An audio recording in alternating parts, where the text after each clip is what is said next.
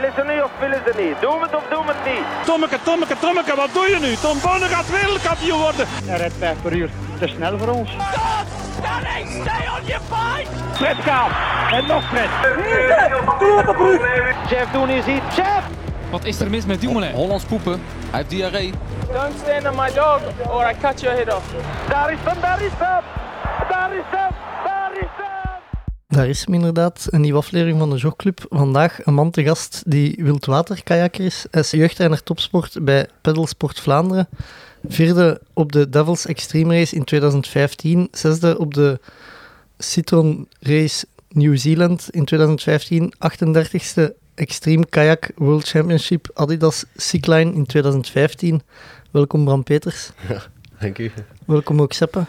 Merci Bobby. Ja, we zitten, we zitten in het wa- allee, op een boot. Hè. Op het water. In het water, dat dacht ik al te zeggen. Ja, ja, dat, ja, dat klopt. Dat is nu al een paar jaar. Echt al, wel, eh, ook sinds 2015, allemaal diezelfde periode ergens, dat we deze boot hebben gekocht. En, En- eh, ja. Allee, we hebben nog nooit op een boot... Allee, ik heb nog nooit op een woonboot gezeten. Jij ook niet, veronderstel ik, Seppe? Ja, nee, nee. Hoe komt het daarop terecht? ja, dat was dus heel toevallig. Dat was in de jaren dat ik eh, ja, ik was een jaar afgestudeerd of zo. En het was wel belangrijk voor mij om te kunnen blijven varen. En ja, huizen kopen en al die dingen. En alleen wonen, zat er niet direct in als ik veel wou reizen en in het buitenland zitten. En dan, eigenlijk was ik op zoek op tweedehands naar in een mobilo of in een camper te gaan wonen. Eh, ik was al een tijd in het houden. Plots stond er hier een woonboot. Dan nog in Mechelen. Eh, ja, ik ben altijd van Mechelen geweest, dus ik ben hier opgegroeid. En eh, ja, toch eens gaan kijken. En redelijk snel besloten om dat te kopen. En dan, dat was allemaal nog wel wat grappig verlopen, want had zo nog geen idee met leningen en zo. Ik was er allemaal niet mee bezig in mijn leven, dus ik had gewoon een bod gedaan, een voorschot gegeven, maar ik was eigenlijk nog nooit naar een bank geweest. eh. dus blijkbaar moeten zo'n dingen wel best op voorhand doen. Maar, Het is in orde gekomen. Na zes, zeven weken en drie mails van die eigenaars eh, met een bod om toch wat druk erachter te zetten, is dat uiteindelijk toch wel in orde gekomen. Ja, maar, ja. Kost dat veel, een woonboot? Ja, dat, dat scheelt. En de laatste tijd gaat dat wel echt eh, goed omhoog. Zoals die hiernaast ligt nu eh, toevallig te koop, maar dat gaat toch richting de 500.000 ook. Dus. Ah, Oh, Ja, ja. Allee, dan deze zal wel wat minder zijn. Zo. en die hiernaast is heel goed in orde en zo. Maar... amai. En kan die dan nog varen? Of is, maakt, wat maakt dat dat zoveel kost? Is dat de grootte? Is dat de... Maar bij boten is dat zo, kan dat zoveel zijn. Van, zoals die hiernaast, die een vaart nog in, die is mooi in orde, maar die heeft, geen, allee, die heeft wel een lichtplaats, maar geen adres-lichtplaats. En dan iets verder ligt er een. Die is eigenlijk niet zoveel in orde, maar die heeft wel een adres. En dat is in Mechelen, dus dat is ook een hele dure. Dus maar ik denk dat er wat... Maar ik denk dat dat vooral... Dat is een hele kleine markt, hè. Dus je moet gewoon iemand vinden dat wel verliefd wordt op dat, die stijl, dat leven. En ja, ik dacht gewoon dat dat goedkoper ging zijn. voor, voor ons was dat nog zo, ja. En dan dat je dan... Ja, Ja. Dat, dat was toen ook de hoofdreden, hè, van, eh, dat dat toch wel was school. Eh, dat we geen maandelijkse huur of zo moesten gaan betalen, want als je dan vier, vijf, zes maanden in het buitenland zat, is dat vrij onnozel dat je hier met huur zit. En in België is dat toch iets moeilijker om buiten jaarcontracten, allee, bij ons is dat iets, ja, ja ze hebben graag eh, lange contracten. Ja. Dus dat is wat moeilijker te vinden. In het buitenland vinden dat nog wel zo per week en per eh, maand of zo, maar hier was het allemaal wat moeilijker, dus ja. dan hier opgebotst en toen, ja, die prijzen viel nog wel goed mee, dat was helemaal niet gelijk een huis. nee. Die tijden, dat, ja, zoals alles, begint dat een beetje te verschuiven, blijkbaar. Ja. Eh, betaal ik kadastraal inkomen op een boot? Allee, Nee. Nee, zo, dus zo'n dingen niet. Maar uiteindelijk, als je alles gaat vergelijken, ko- komt dat wel dicht in de buurt. Want je moet wel echt veel onderhoud doen. Eh, dat kost wel wat. En je hebt dan eh, een extra bootverzekering, wat, wat meestal vergelijkbaar is ongeveer met een kadastraal inkomen. En, maar ja. Dus. Ja, en we waren ook onderweg naar hier, zo een beetje aan het gokken van...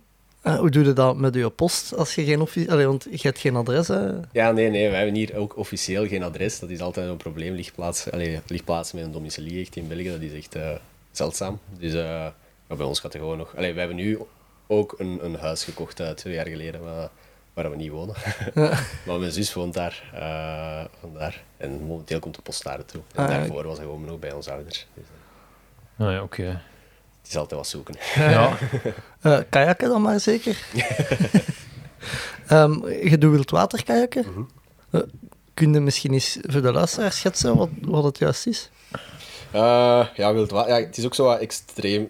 wild, wa- want je hebt ook wild water, dat ze in België in volksmond afdaling noemen. En in het Engels is dat wild water, maar dat is zo snel mogelijk een stuk naar beneden varen in een lange carbonenboot. Mhm. Eh, maar bij ons is echt, wij gaan met Ja, kortere boten. Gellen hem white water Ja, kajak. ja, inderdaad. Je hebt, eh, maar ja, in het Nederlands vertaald dat zo niet echt. Nee. maar dus eh, dat is een beetje, ja, je gaat gewoon de moeilijkste dingen opzoeken. En eh, ja, dat, ofwel zijn er wedstrijden in, je kunt zo aan de tak van de wedstrijden gaan, aan de tak van de, zo, ja, gewoon het extreemste gaan, of wat expeditiekajaken eh gaan. Dat is alle drie de, allee, en iedereen doet wel een beetje dingen, maar uiteindelijk gaat je wel zien dat iedereen zijn eigen weg daar wat in vindt en een beetje meer eh, ja, zijn eigen ding daarin gaat doen. Maar dus eh, ik heb vooral, omdat mijn achtergrond was van slalom ook, eh, dus competitief, veel gevaren. Dus eigenlijk waren wij daar gewoon, ja, we kennen er niet zoveel was, we rustig wat begonnen en dan bleek dat wij relatief snel waren op wedstrijden en dan, ja, zo start je daar wat mee en, en ja, dat sprak aan. En dan meer en meer dingen doen en dan kreeg je sneller sponsors en dan nog meer dingen doen en dan, ja, dan groeit dat heel snel uit. Hè. Ja. Eh, Waar in België wordt dat gedaan? Eh, in België. Allee, of, eh, als je als kind... Ja, als kind, ja. hoe, hoe, Ik denk als je in België woont, dat je, dat je gewoon heel veel van de andere disciplines ook eh, doet. Zoals ik, ik zit elke dag op vlak, allee, elke dag, toch nog vier, vijf keer per week op vlak water in met een boot. Eh, voor fysiek dan en dingen. Eh, maar voor de rest is het meestal reizen. Er zijn een paar rivieren in België, maar de, de regelgeving in België is, is zo streng eh, dat het al moeilijk is. En we hebben ook niet zo heel veel rivieren. En als die rivieren, die, ja, dan heb je extreem veel water nodig, dan moet het heel hard, lang regenen. En dan kun je misschien één of twee dagen gaan varen. Dus Ja. het is niet dat je echt Oké. rekent op de rivieren in België. Dat is gewoon eh, geweldig. Ja. Ja, ik zag op de website van Pedal Sport Vlaanderen inderdaad van, ah ja, de, de plaatsen waar je moogt en waar je en dacht, ja, hoe, dat, dat hangt toch geen motor aan, mogen niet gewoon overal gaan, je doet toch niks kapot of zo? Eh, Ja, nee. Eh, in België is dat heel speciaal. Ik heb nu op heel veel plaatsen in de wereld gevaren. Er ik denk dat je tot hier toe is geen enkel land dat zoveel regels als België heeft. Eh, bij ons is dat je mocht varen tussen... Nou, ik moet opletten wat ik zeg, want het is ergens in oktober. Ik denk 15 oktober tot 15 maart. Het is zoiets in de naart. Ergens van in oktober tot in maart mocht je maar, maar op de rivieren met je kajak. Dan alleen maar Samen met het jachtseizoen.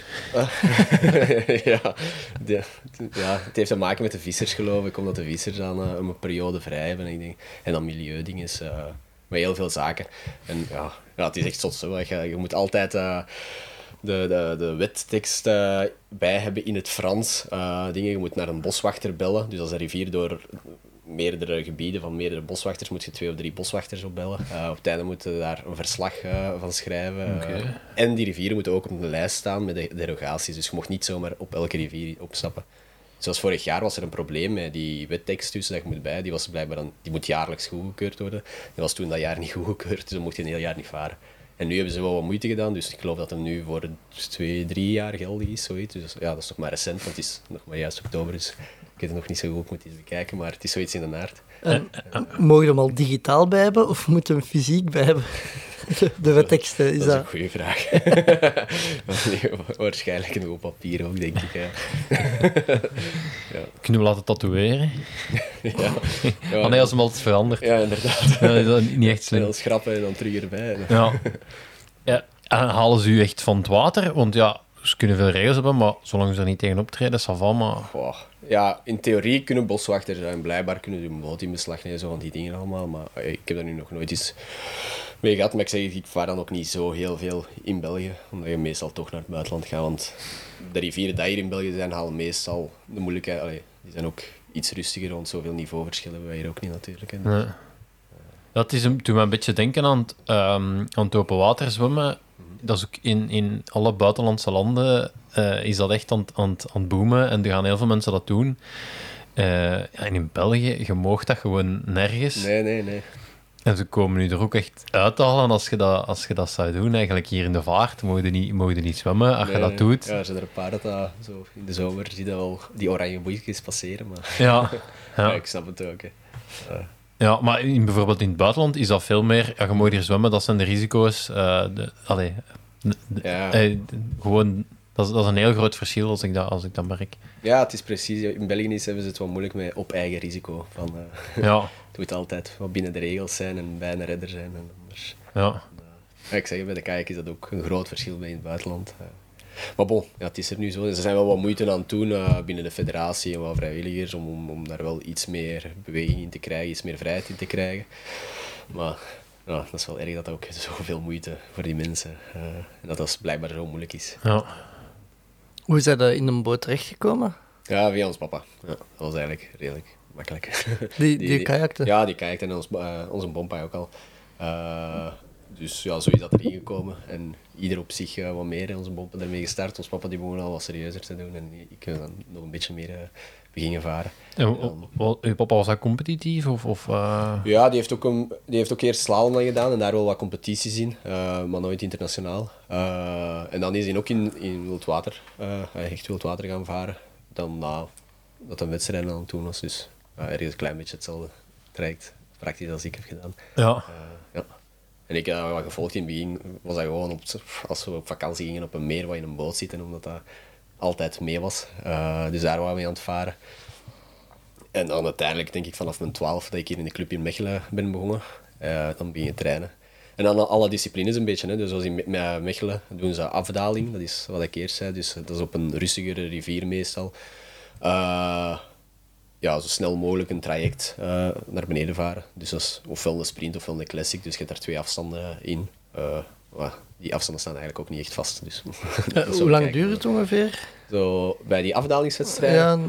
Goh, dat is zo wel een trend dat die ook wat korter wordt. Ik denk dat ze tegenwoordig de classics, dus een langere stukken rond een kwartier, hoe ver gaan zitten, kan eens 20 minuten zijn. En die sprints normaal rond een minuut ergens. Maar ah, ja. ook langer.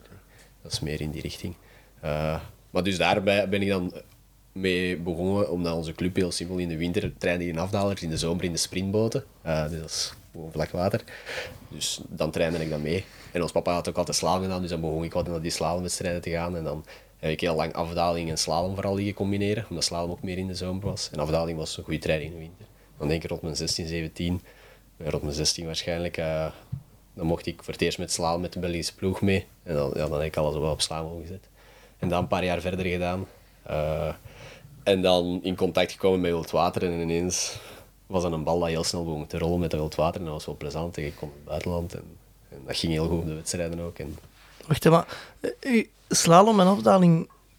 En slalom is zo met de, met de pootjes die aan, de was, aan zijn wasdraad hangen. Ja, Kijk, de sportkot in Leuven. Ja. Ja, inderdaad. Aan de. Ja. Er zijn twee Olympische disciplines, dat is sprint en dat is uh, slalom. Ja. Die vroeger slalom. En wat is dan afdaling? Is gewoon een rivier zo rap mogelijk naar beneden. Ja, en je hebt geen poortjes? Geen poortjes, dus dat is echt ah, een, okay. een, stuk wild water. Uh, van die, ja. ah, okay. Oké, ik zit terug mee. Ja, ja. ja ik ook. Uh, maar is al lang Olympisch slalom? Uh, in 72 is dat op de, voor het eerst op de Olympische Spelen geweest, maar dan is er zo'n gat tussen geweest. Dus in 72 was dat, ja, weet ik veel, eenmalig erop. En dan vanaf 92, denk ik, in Barcelona. Ah, ja. En sinds dan altijd. Oké, okay. want je hebt dan een, je hebt een Olympische discipline en je hebt, mm -hmm. uh, je had gewoon het wild water. Ja. En je denkt dan, ik ga niet de topsporttour op, of niet, niet, ik wil niet echt in het Olympische en het competitieve, of mag ik het zo, is, is, is dat geen ja, goede vergelijking? Maar dat is wat gegroeid, hè. dus ik was er veel mee bezig als junior, dan één jaar dat senior, maar als je senior wordt, altijd wat, wat moeilijker en dan ook ga gaan studeren en dan denk je zo, voor ons was dat sowieso moeilijk om dat jaar de ploeg te halen. Dat had misschien juist gelukt, maar dan was het ook met weinig ambitie internationaal geweest. Dus dat eerste jaar hadden we sowieso wat gezegd, oké, van, van, we gaan ook wat plezier en zo is die andere dingen gaan doen. Maar ja, dan doe je daar wedstrijden mee, dan krijg je ineens wel allemaal sponsors. Terwijl al die jaren daarvoor, dat je dan internationaal op wedstrijden aan het varen waart, dat altijd wat een moeilijke was om rond te komen en, zelfs naar de wedstrijden financieel te geraken. Uh, ja, en dat ging dan ineens makkelijk. En, en, maar dan hebben ze natuurlijk ook graag als uh, gesponsord wordt dat je naar die wedstrijden gaat. En ja, dan kwamen er zoveel kansen gewoon op, op dat pad uh, dat ik daarvoor gegaan ben. En dat is wel... Uh, ja, natuurlijk. Ja, als je, kunt als je het plezier kunt combineren met... met allee, en, en, er, en er iets van kunt verdienen of, of daarvan kunt leven, dan dan is die beslissing snel gemaakt, denk ik. Hè? Ja, en ook gewoon, dat, is, dat is enorm leuk en je krijgt veel kansen om naar het buitenland. Uh, je moet wel naar het buitenland, maar, maar ja, dat, is ineens een heel andere manier hè, van uh, varen. Ja. Ja, uw, uw palmares, ik heb het maar gevonden tot, tot 2016. Eh, ik, ja, ik was nog niet echt wegwijs in het... In het eh, ik weet niet of er ergens een databank is van alle resultaten of zo, maar... Ja, nee, ik denk dat dat zo'n beetje los is eh, Nee. van dingen. Want ik heb daarna nog wel wat wedstrijden gedaan. ja, ik dacht nu, het. Nu in India ook nog. dat was september, nee, dat was oktober zelfs. dus Ja. En, en wat heb je zo nogal... da- daar had ik ook vierde dus nu. Ah ja, oké. En dan, ja, elk jaar is er zo één heel grote wedstrijd. Dat is waarschijnlijk op de wereld toch een van de grootste eh, in Oostenrijk. Vroeger heette dat eh, de Cycline, eh tegenwoordig dat Uitstrofie. Dat is gewoon veranderd door Ah ja. sponsors eigenlijk dat daarin zaten. Ja, vroeger was Adidas uh, Cycline. Ja, voilà, Oké. inderdaad. En dan is Adidas eruit getrokken, dan is dat één of twee jaar gestopt geweest, dingen. En dan, nu is dat terug begonnen onder de naam. En ik denk met VD als spon- hoofdsponsor. Ah, ja. Wat veranderd. Maar het principe blijft hetzelfde. Maar dat is zo'n wedstrijd waar echt meestal iedereen van oh ja, de snelste van de wereld toch wel echt naartoe proberen te geraken. Ja. En, eh, En dat is, je hebt een, heel, een hele wilde rivier en je moet een stuk varen op tijd. Daar- Ja, ja. Of, Ja. of is, het, is, het moeilijk, is het moeilijker dan dat? Je hebt ook wel wedstrijden dat, dat, met bepaalde formats, eh, maar hoofdzakelijk is dat wel wat er eh, altijd gaat gebeuren. Bijvoorbeeld een kwalificatiestuk, meestal op een rustiger stuk. Eh allee, rustiger, dat is ook al redelijk wild, maar dat iets makkelijker is omdat ze kunnen moeilijk van alle inschrijvingen 100% zeker eh, weten wat dat ze kunnen. Eh, en ja, je Ja, wil niet te veel ongelukken. dus meestal probeer je zo'n soort natuurlijke selectie eh, al te hebben. En dan gaat het finale stuk, op, de op veel wedstrijden is het zo dat het finale stuk dan op, eh, op het echte, allee, op uh, zwaardere versnelling doorgaat. Ja. Maar aan, allee, aan wat moeten we denken? Bij echte wild stuk, dat zijn, dat zijn ja, een heel kolkende rivier, wa- watervalkjes, of... Of Ja, je hebt ook typisch eh, rivieren natuurlijk, hè, maar in Europa heb je voornamelijk, omdat we niet, niet zo'n heel grote rivier hebben met veel volume in, eh, gaat dat hoofdzakelijk ja, inderdaad met veel rotsen wat, erop zijn en eh, redelijk steil verval. Ja, meestal technisch, wat met bochtenwerk. En internationaal soms je echt beken met gigantisch veel water, dat, je hier in Europa niet filmt, en dan, dan noemen ze dat big water. Eh, en dat is een heel andere manier van, van varen. Eh, dat is gewoon gigantische golven van 5, 6 meter. Eh, maar daar kunnen dan ook wedstrijden bijvoorbeeld op zijn, maar ja, die zijn iets zeldzamer. ja, de, de, de, de beelden die ik zag, het is, allee, het is wel echt... Het ziet er ook cool uit, maar het ziet er ook wel eng uit of zo. Ja, daar groeit ook in. Ja. maar ja, sowieso eh, bepaalde zaken. eh, eh, iedereen heeft zijn eigen dingen wat, we- eh, wat je graag doet, of, die, of waar zijn limieten wel liggen. Sommigen gaan daar ook wel makkelijker over, maar over het algemeen leert je wel, wel groeien in, in ja, je leert jezelf kennen hè, van, van wat dat je kunt. En je hebt dan dat gedaan en dan denk je, oké, volgende keer gaat dat wel lukken. En in het begin doe je één bepaalde move dat heel technisch en moeilijk is, maar ergens op een rivier waar dat daarachter alles veilig is en dan ging dat goed en dan zie je daarna komt je zoiets tegen met waar dat er zo drie of vier achter elkaar gelinkt zijn, wat dan veel moeilijker is en dan, maar dan weet je oké, je kunt dat wel dus en zo bouwt dat heel een tijd wat op Eh, maar ja, dat is veel varen en veel tijd op de rivier doorbrengen en, ja. Ja. Ik ga echt een super stoeme vraag stellen, maar ehm, hoe maakt het verschil op een wedstrijd? Allee, het is toch altijd is naar beneden? ja, ja. Eh, ja En- dat stroomt gewoon, hè. je moet gewoon eh, goed eten oh, wel ja, maar dat is dan een leek, dan een leek eh, erover denkt, hè, maar hoe... Ja, nee, dat is ook eh, heel veel. zo- Sowieso technisch is dat, dat is, dat is ongelooflijk. eh, van, van hoe verschillen dat je kunt maken. Omdat elk ding op een rivier, eh, ja, alle feature, dat kan een golf zijn. Of, of eh, als je zo wat wit op een rivier ziet, dat is, dat is schuim. Maar eigenlijk meestal als je wit ziet, eh, dus schuim op een rivier, dat is altijd water dat terugkomt op de rivier. Omdat dat, eh, het water valt van een, valletje, dat kan zelfs maar een halve meter of een meter zijn. Dat valt naar beneden, dat raakt een rots op de grond en dat keert terug. Dus het bovenste van dat water, dat, stroomt terug. En zo, ja, dat is een van de belangrijkste dingen, denk ik. Dat is het water leren lezen, weten waar je moet zitten. Eh, en als je dat weet en daar gebruik van kunnen maken, van hoe dat, dat je boot gaat bewegen. Want als water zo beweegt en ik leg mijn voorpunt daarin en dat duwt terug, wil dat zeggen dat mijn voorpunt, dat ik dat een beetje in een hoek naar links, dat dat nog harder naar links eh, gaat duwen. En ik mijn boot ja, dan kun je zo alles wat gaan gebruiken en alles lezen. Of je kunt, moet al weten, basis gezien, als dat dan iets te groot wordt, van ja, dat gaat me veel te veel vertragen. Dus ik moet daar beter links of rechts van zitten. Of, en, zo zijn er oneindig veel zaken. Dat is het technische aspect al. En dan ook gewoon wat fysiek natuurlijk. Eh, zien dat je kunt meestal sprinten. Ja, wa- want Ja, je, kunt, je leest dan echt die rivier, maar het is niet dat je, dat je erin gaat en denkt, oh, met een boot, doe nu dit, ik ga nu deze doen. Jij weet op voorhand, Ja. ik ga daarin komen, dat gaat zo en zo. Als het goed gaat, dan gaat het zo. ja, Eh, ja, als, als, als je verschiet van wat je een boot gaat doen, dan, is er meestal, eh, dan gaat het meestal niet leuk zijn. dus, eh, ja, nee, zeker op wedstrijden, dat is een andere manier. Dan, je traint dat stuk. Hè. Dus, dus je weet, die wedstrijd gaat daar doorgaan, dus je vaart dat ja, echt tien keer op een dag om dat proberen eh, wat van buiten te leren. En, en zo echt alle kleine dingen. Dat gaat soms over 2, 3 centimeter meer naar links of naar rechts zitten. En, eh, en je neus hoe- in een hoek en hoeveel druk zet je op je knieën. Want als, we- wij kunnen onze boot wel liften, zodat wij op iets springen. eh, waardoor dan onze boot droger blijft en dan water over ons krijgen. Want als we water over ons krijgen, ja, daar hebben we natuurlijk af. Eh, en zo heel veel zaken. Dat je rekening mee probeert te houden. We proberen ook meestal onze slagen te doen uitkomen waar dat wij die eh, willen. Dus over het algemeen heb je daar toch een beeld van, van waar, op voorhand al waar dat je je pedalslagen gaat doen op de rivier. Zeker op wedstrijdstukken. Of op hele technische stukken. Als je, je bijvoorbeeld gewoon een rivier varen, geen wedstrijd. Ja, je ziet een horizonlijn en je kent de rivier niet. Meestal stap je dan even uit best, eh, want je weet niet wat er gaat komen. Eh, en dan kijken wij ook altijd eerst naar de rivier. En, en als dat nodig is, wordt er safety gezet. eh, dingen. Maar het voornaamste is dat je ook de rivier van buiten gaat leren kennen. eh, of die bepaalde move. Dat is wel zelden dat we een hele rivier moeten afvallen. wat is safety zetten? Ja, is als- dat iemand die aan de kant staat? met een vlagje. Nee, ja, Ja. Met, met een touw of zo voor je toe te werpen? Of Ja, is dat... exact. Ah, ja. Me- Meestal is dat... Dus wij waren altijd met een werptouw... eh, Dat is echt een, een zak met een touw in gepropt. En als je die... Ja, ik moet dat uiteinde van het touw natuurlijk vasthouden. Maar als je dat met in een zak smijt, dan rolt dat zijn eigen af.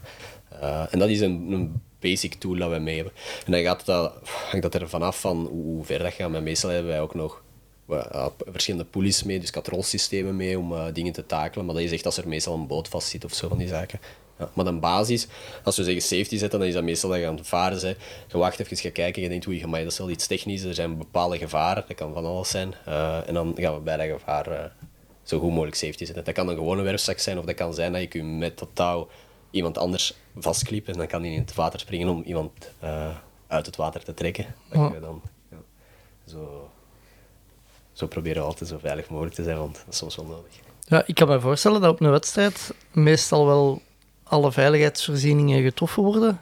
Als het Ja, een officiële wedstrijd meestal is. inderdaad door de organisatie gedaan. Maar als je op expeditie bent, dat meer trek plan is. Ja, ja, zeker, zeker. Dat, kan, eh, ja, dat zijn grote verschillen. Hè, van, en dan moet je altijd voorzichtig zijn. En ook daar. Je hebt van, het begint altijd bij de voorbereidingen, weten wat je, wat je gaat doen. Hè. Van, je hebt soms een rivier en je weet, het zou een uurtje of twee uurtjes moeten du- duren. Dat is de hele tijd naast de baan. Ja, oké, valt al mee. Worst case wandelt je even omhoog. Maar er zijn ook rivieren, zoals nu bijvoorbeeld in India hadden we eh, nu afgelopen reis nou, ja, nog iets voor dat niet zo goed was. We gingen op een, sowieso een drie of vierdaagse. Dus dan moet je alles meenemen, je slaapgerief, eh, eten voor drie dagen. ja, allee, alles wat je nodig hebt. Maar je neemt je nog een boot, dus dat is al een moeilijkheid op zich, want we nemen dan 10 of 15 kilo extra mee en een boot weegt al 20 kilo, dus dan zit je de 30, 35 kilogram aan de rivier. Eh, ja, en twee, drie dagen was goed. En dan slapen we een nacht en dan was er een, een flashvloed. Dus we zaten dan in Meghalaya. Eh, dat is het gebied dat het meest eh, regen in de wereld vangt. Ehm, dus een flashvloed daar was blijkbaar ook wel serieus. Wij weten wel dat je redelijk hoog moet proberen slapen, want je weet nooit wat er s'nachts gebeurt. Dus we sliepen al drie, vier meter boven de waterlijn. Al vrij extreem als het water zo hoog kwam. Maar ja, dat was blijkbaar dus niet genoeg. Dus s'nachts Ah, ja, s'nachts kwam de rivier over ons. Eh, ja, dan was al ons gerief aan het onze boten. dus dan hebben we om half vijf s'nachts wakker geworden, alles eh, eruit gehaald. En uh, ja, dat was wel even een wake-up call. Want dan konden we ook de rivier niet verder meer afvaren, want we gingen juist uh, een kloof invaren. Uh, ja, en die was onbevaarbaar geworden. Dat was gewoon zoveel water, dat was, ja, je kon er gewoon niet meer door. Dus dan hebben we nog geprobeerd een dag erop. Allee, een dag erop, het was half vijf s ochtends, dus niet een dag. uh, om, ja, een stukje te varen, maar dat was echt gigantisch. En dan lagen daar bomen in de rivier dat helemaal recht kwamen in die versnellingen en, en langs ons net terug neervielen. Dus ja, dat was echt levensgevaarlijk. Dus dan zijn, we eraf moeten gaan, maar dat was niet zo makkelijk, want dat was een kloof en er waren geen wegen in de buurt. Dus ja, we met onze touwen zelf en onze politie. Dus op zo'n moment, en als je dat weet op zo'n multiday, dan bereid je ook meer voor. Uh, dus wat we verschil, allee, touwen, dat zijn onze werpzakken dan, die dan moeten gebruiken om onze boten naar boven te, te, te takelen en die kloof uit te geraken. En dan, eh, dan hebben we twee dagen door de jungle moeten wandelen om eruit te geraken. Dus, eh, dat was wel een mindere even. Eh, ja. ja, dat zijn dan van die mindere momenten dat kunnen gebeuren. Maar dus op zoiets moet je Maar dan dat, dat was een expeditie. Dat, want Ja, expeditie je ook ook van een wedstrijd dat was in- ooit al eens gevaren. Ja, maar het is, je waart ook van een wedstrijd naar India. Of, Ja, er was een wedstrijd, maar dat is in een eh, gebied. En ja, je probeert wat dingen aan elkaar te linken. Want je Ja. gewoon voor drie dagen naar India vliegt en terug, dan, als je dat dan kunt linken aan een paar wat extra rivieren varen. Er waren er wel een paar, allee, de meeste, alles was eigenlijk al gevaren. Eh, en we wouden gewoon een bepaalde ja, stuk doen en wat, wat bepaalde zaken aan elkaar linken. En ja, dan moet er ergens daar eh, een storm geweest zijn s'nachts, dat niet echt voorspeld was. Ja. Amai. Ja, dat is wel... Dat is wel... Zot. ja, dat vonden we toen ook. Hoe, worden dan, hoe worden dan wakker dat uw voeten nat zijn? Of, eh, Ja, we, we waren er redelijk veel. En er la- lagen er nog een beetje. We lagen zo op een strand met zo wat stenen. En er lag iemand nog een, een halve meter lager dan ons. Dus die werd eigenlijk wakker. Dus ik werd wakker met fuck, fuck, fuck. iemand dan ons eh, wakker riep en dan was het, oh shit. Moesten we heel snel alles eh, proberen aan de kant eh, te, smijten, alles terug te vinden. Onze boten waren aan het ronddrijven, ons gerief. Mijn schoenen waren weg. Al, die, al zijn kleren waren weg. Dus een jongen liep daar de hele tijd naakt rond. Eh, we hebben die gelukkig nog maar een reservebroek kunnen geven, zodat hij toch twee dagen door de jungle nog een broek had. Eh, ja. zo geen voddenlapje gelijk Tarzan of... eh, ja, we hebben er wat schrik om al die planten aan te raken, want dat is er, maar ja, dat was er allemaal niet zo gezellig. En, eh, normaal gezien proberen we altijd wat uit een jungle te blijven, want dat is, ja, we zaten dan ook vol met liedje, eh, bloedzuigers. Eh, dat echt om de tien minuten had er iemand een bloedzuiger. Twee dagen lang, dus dat was niet zo, dat was niet zo plezant. en maar die zaten in het water? Of dat zit... Nee, nee, dat zit in, in, de, jungle op de planten. Hè. Dat zijn van die wormpjes die zo van die bladeren zo wat te bewegen. Maar ja, als je daar de hele tijd door aan het lopen bent. Ja, ach, inderdaad. Als je door een jungle gaat, lijkt een rivier mij ook nog qua gebeesten en zo... Sava of... of, of ja. Ja, ik denk dat de meeste kijkers altijd gaan verkiezen om sowieso zo lang mogelijk langs de rivier. En als dat een stuk niet gaat, proberen over een rots eh, te klimmen of zo. Als er een versnelling te moeilijk is, hè, dan, dan gaan we dat stuk overdragen. Eh, maar nu was het water gewoon zo gestegen, 6, 7 meter. Dat, dat, dat, en dat was waar weg. geloof. Dus, dus al die rotsen waren weg, we konden niks meer overdragen. Dus dat wou zeggen, we wisten dat dat stuk... Ik had die satellietbeelden gedownload. Eh, ja, we wisten dat dat 4, 5 of 6 kilometer minstens redelijk eh, stevig ging zijn. Dus ja, dat zou ze- willen zeggen dat je 5, 6 kilometer niet weet wat er gaat komen en dat je alles zou blind eh, zomaar zou moeten kunnen, want je kon niet meer stoppen. Dus, eh, ja, dat, allee, dat is veel Dat te doe niet, Dat dat- doe je niet. En, en ook gewoon de kracht van dat water. Wat, wat- dus die eerste dag we moesten we, moesten eigenlijk een ferry, dus gewoon oversteken om naar de andere kant te geraken. En alleen dat al doen, dat, was, ja, dat water wordt zo krachtig, dat waren allemaal draaikolken. Eh, als een rivier veel te hoog komt, die, die kracht dat daarop komt, dat is... Ja, kun je- ja, dat is vies. dat is akelig. Dus eh daarmee dat we hadden besloten van we, we kunnen dat hier niet via, via de rivier doen. Dat is veel te gevaarlijk. Eh moesten we eruit. Amai. N- Nog eh hachelijke situaties eh, meegemaakt bij al die avonturen? ja, jammer genoeg wel, maar we moeten dat hier niet allemaal... Want anders gaat dat zo'n heel dramatische podcast Ja, nee. maar, drama ja, werkt altijd. Ja. Nee, er, zijn, er gebeuren wel al- altijd een, wa- wa- wat dingen natuurlijk. Hè. So- Soms is dat... Ja, ja, in de sport gebeuren er ook heel erge dingen. Eh deze was nu allemaal goed afgelopen, maar soms is dat ook niet zo goed. Hè. Eh, maar over het algemeen, bij mij, valt het wel... Een boot kapot of zo, vermoed ik dan. Ah, ja, ja, ja, dat gebeurt. Ja, ja, dat is zeker regelmatig. Maar dat valt op zich nog mee. Dat is een boot. Meestal verzint je daar wel iets op. Ja. Eh, kan lastig zijn. Ik heb maar één keer gehad dat die een jongen ook echt is moeten uitwandelen. Die had, zijn boot zwaar kapot gevaren. En dat was ook lastig, dat is in Nieuw-Zeeland. En daar had ook op 20 kilometer van de weg. Die ook nog eh, vier uur lang s'avonds, toen wij waren uitgevaren, de hele tijd langs een baan liggen rijden. Op en neer om die jongen hopelijk Te ergens... Ja, want het was de enigste baan. We hadden afgesproken, blijf gewoon in die richting wandelen. En hopelijk komt je ergens daar op die straat uit eh, vanavond nog. Ja, en dat is dan uiteindelijk ook gebeurd. Na vier of vijf uur, zo, dat was echt lang. Dat die jongen door het bos heen liggen wandelen. Maar voor de rest... eh ah ja, ça va. Ja. Ik, ik vraag me af, als je zo... Allee, het klinkt stom. eh gaat varen, je komt nooit op hetzelfde punt aan als waar dat je vertrekt. Ja. Eh, Regel je dan een pick-up? Is daar iemand dat met een auto Ja, mee het is rijdt? zo van, van land eh, tot land af. Hè. Zoals in, in India zijn die stukken zo lang en zo- zo'n slechte wegen. Dat, en is ook de kostprijs van een driver nog, nog draaglijk. eh, dat wij echt voor vier dagen een, een, een auto of zo huren. Dus voor Ja. dat, dat, dat rijdt En dat iemand dat dan die auto meerijdt ook. Ja, oh ja, ja, dus dat is een jeep met, met een driver. Eh, en die zet ons dan af en die rijdt dan gewoon naar, naar het Ja. uitstappunt. Eh, maar dat is Ah, niet altijd zo. Hè. Heel vaak zit je, bent je ofwel, als je hier zelf in, in Europa gaat varen, heb je waarschijnlijk weer een eigen auto en dan spreek je met vrienden af en dan zet je eerst een auto beneden. Dan rijd je met alle kijkers Ah, ja, boven en dan ja. maak je dat af en dan gaat je die auto terughalen. Dat is het meest normale eh, en makkelijke dat je meestal gaat doen. Maar ja, soms heb je dat niet en dan moet je wat... Soms is dat ook liften. Eh, dat kan wel van alles zijn. Liften, dan moet al chance hebben ja, dat er een, een auto passeert waar dat wat kajaks in kunnen. Of is dat liften en Nee, nee, dat alle dat- kajaks beneden laten en dan één... ja, dat is de ene lift om de auto te gaan Ja. halen. Zo dan. Ah, oké. Ja, er passeerde ondertussen een boot. Ik ben benieuwd of we nu gaan, Golfslag krijgen. of iets gaan voelen. Meestal is dat zo wat in de lengte dat we meer bewegen. Ah ja, Of ze moeten echt te hard varen. hoe snel mogen ze hier... eh, Ik weet het dan eigenlijk niet. Dat dat 9 is of 12. Knopen. Nee, nee, Ah. uur. per uur?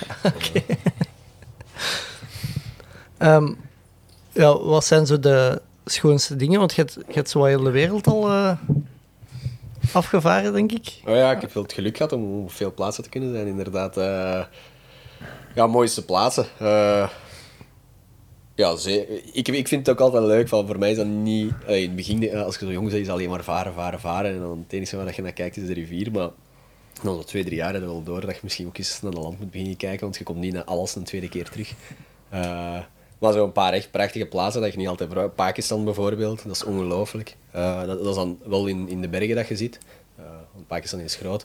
Maar in, in, die bergen, ja, dat kun je je voorstellen van... Ik geloof dat daar meer 6000 meter pieken waren als er in Europa 3000 pieken waren of zoiets. Dat is, ja, dat echt... Dat zit daar vol gigantische. Allee, Je kunt je dat niet inbeelden totdat je daar rijdt van hoe groot eigenlijk al die dingen zijn. En echt knap ook. Van, eh, zo chic. En dan, ja, Chili is bij mij altijd wel de favoriet. Dat is een keischoon land. Ja. Ja. Ik, ik ben eh, een paar jaar geleden, ik denk nog vlak voor corona, zo naar eh, ja, een soort outdoor filmfestival in Leuven, eh, in de Burgi, in het Ja, sportclub. ja, ja, dat is zo. Ja. Eh, en da- daar werd een film gespeeld over kajakkers die naar Pakistan waren gegaan.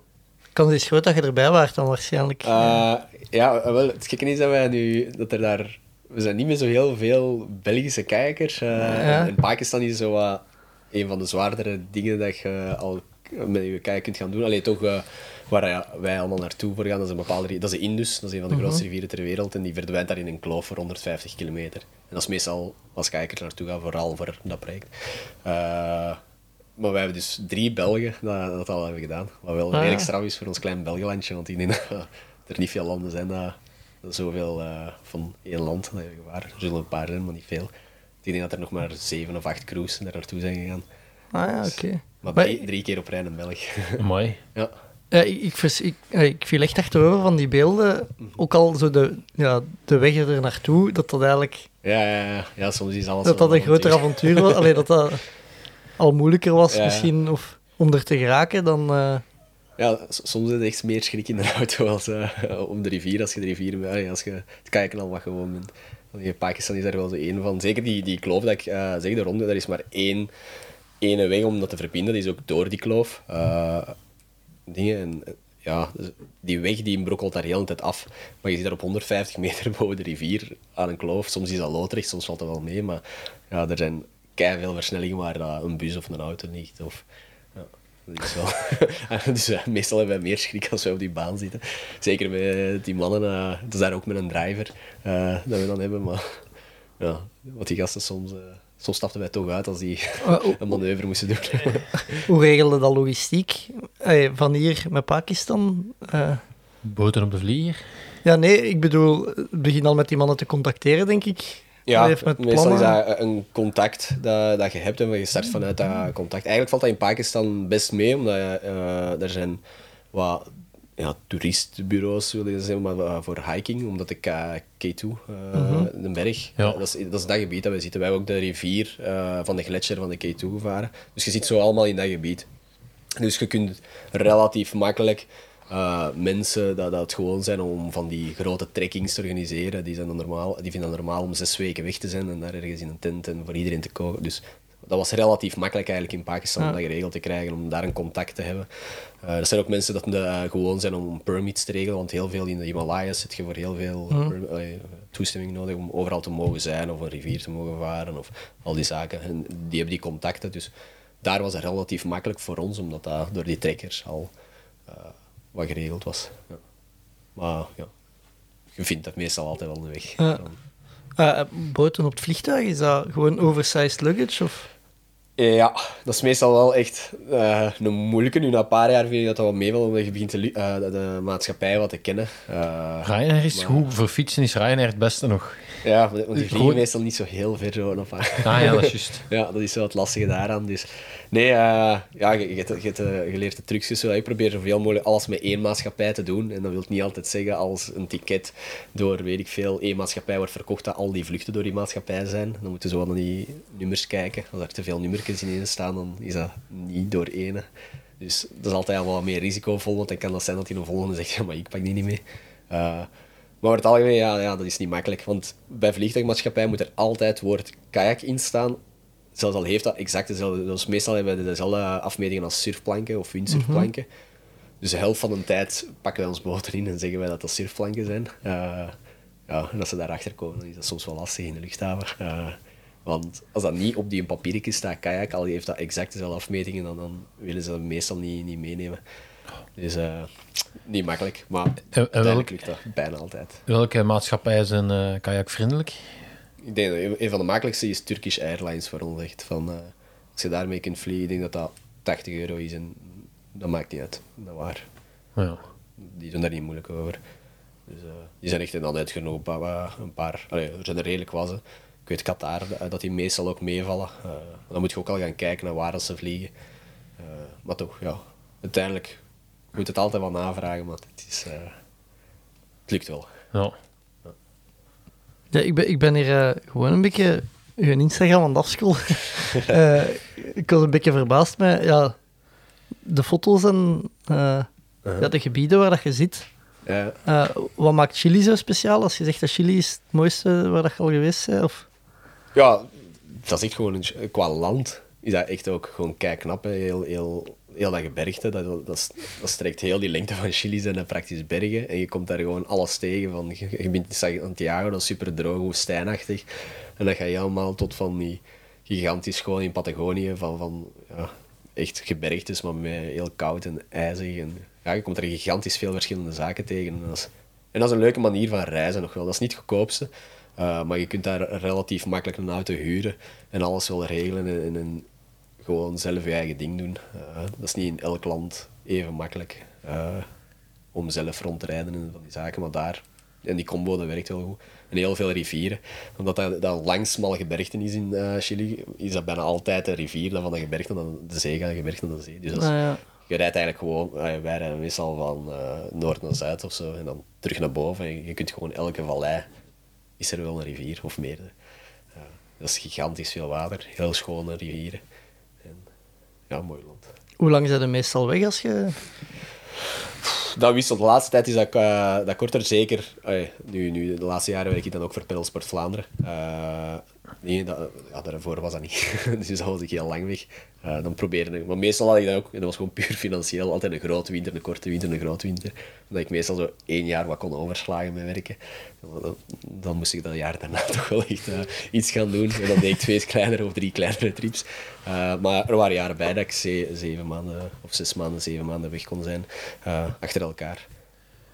jonge mensen die je levensstijl willen kopiëren of overnemen, tips om op een jaar tijd genoeg geld te verdienen om eh, Ja, een jaar te overbruggen? Vooral niet te veel aan geld denken, dat is het ding. Want hoe vaak dat ik heb gehoord, maar je hebt toch geluk dat. En dan denk ik altijd, oei mannetjes, maar geluk is dat meestal niet. Ik zat altijd van eh, in het buitenland dan al wel te zorgen dat de dag dat ik land zelfs al kon beginnen eh, werken, al was het iets, iets klein, bij, daar gaan bijwerken, daar gaan bijwerken. Maar dus nu, hey, er wat mee bezig zijn en geen schrik hebben om, om met te weinig geld ergens naartoe te gaan ook. Eh, soms moet je dat dan wel uitzoeken daar ter plaatse, maar uiteindelijk vind je daar altijd wel iets op. Toen eh, met een tweede reis, dat was ook niet zo heel snuger, maar ik had mijn ticket kunnen betalen, dus ik dacht, los het daar wel op. Chili, dat gaat goed komen. Dat was mijn eerste keer Chili. Eh, dat gaat daar goedkoop zijn. Dus ik was uiteindelijk vertrokken met nog geen 70 euro op mijn bankrekening voor drie maanden. Ja, dat bleek dan toch wat... wat te niep te zijn.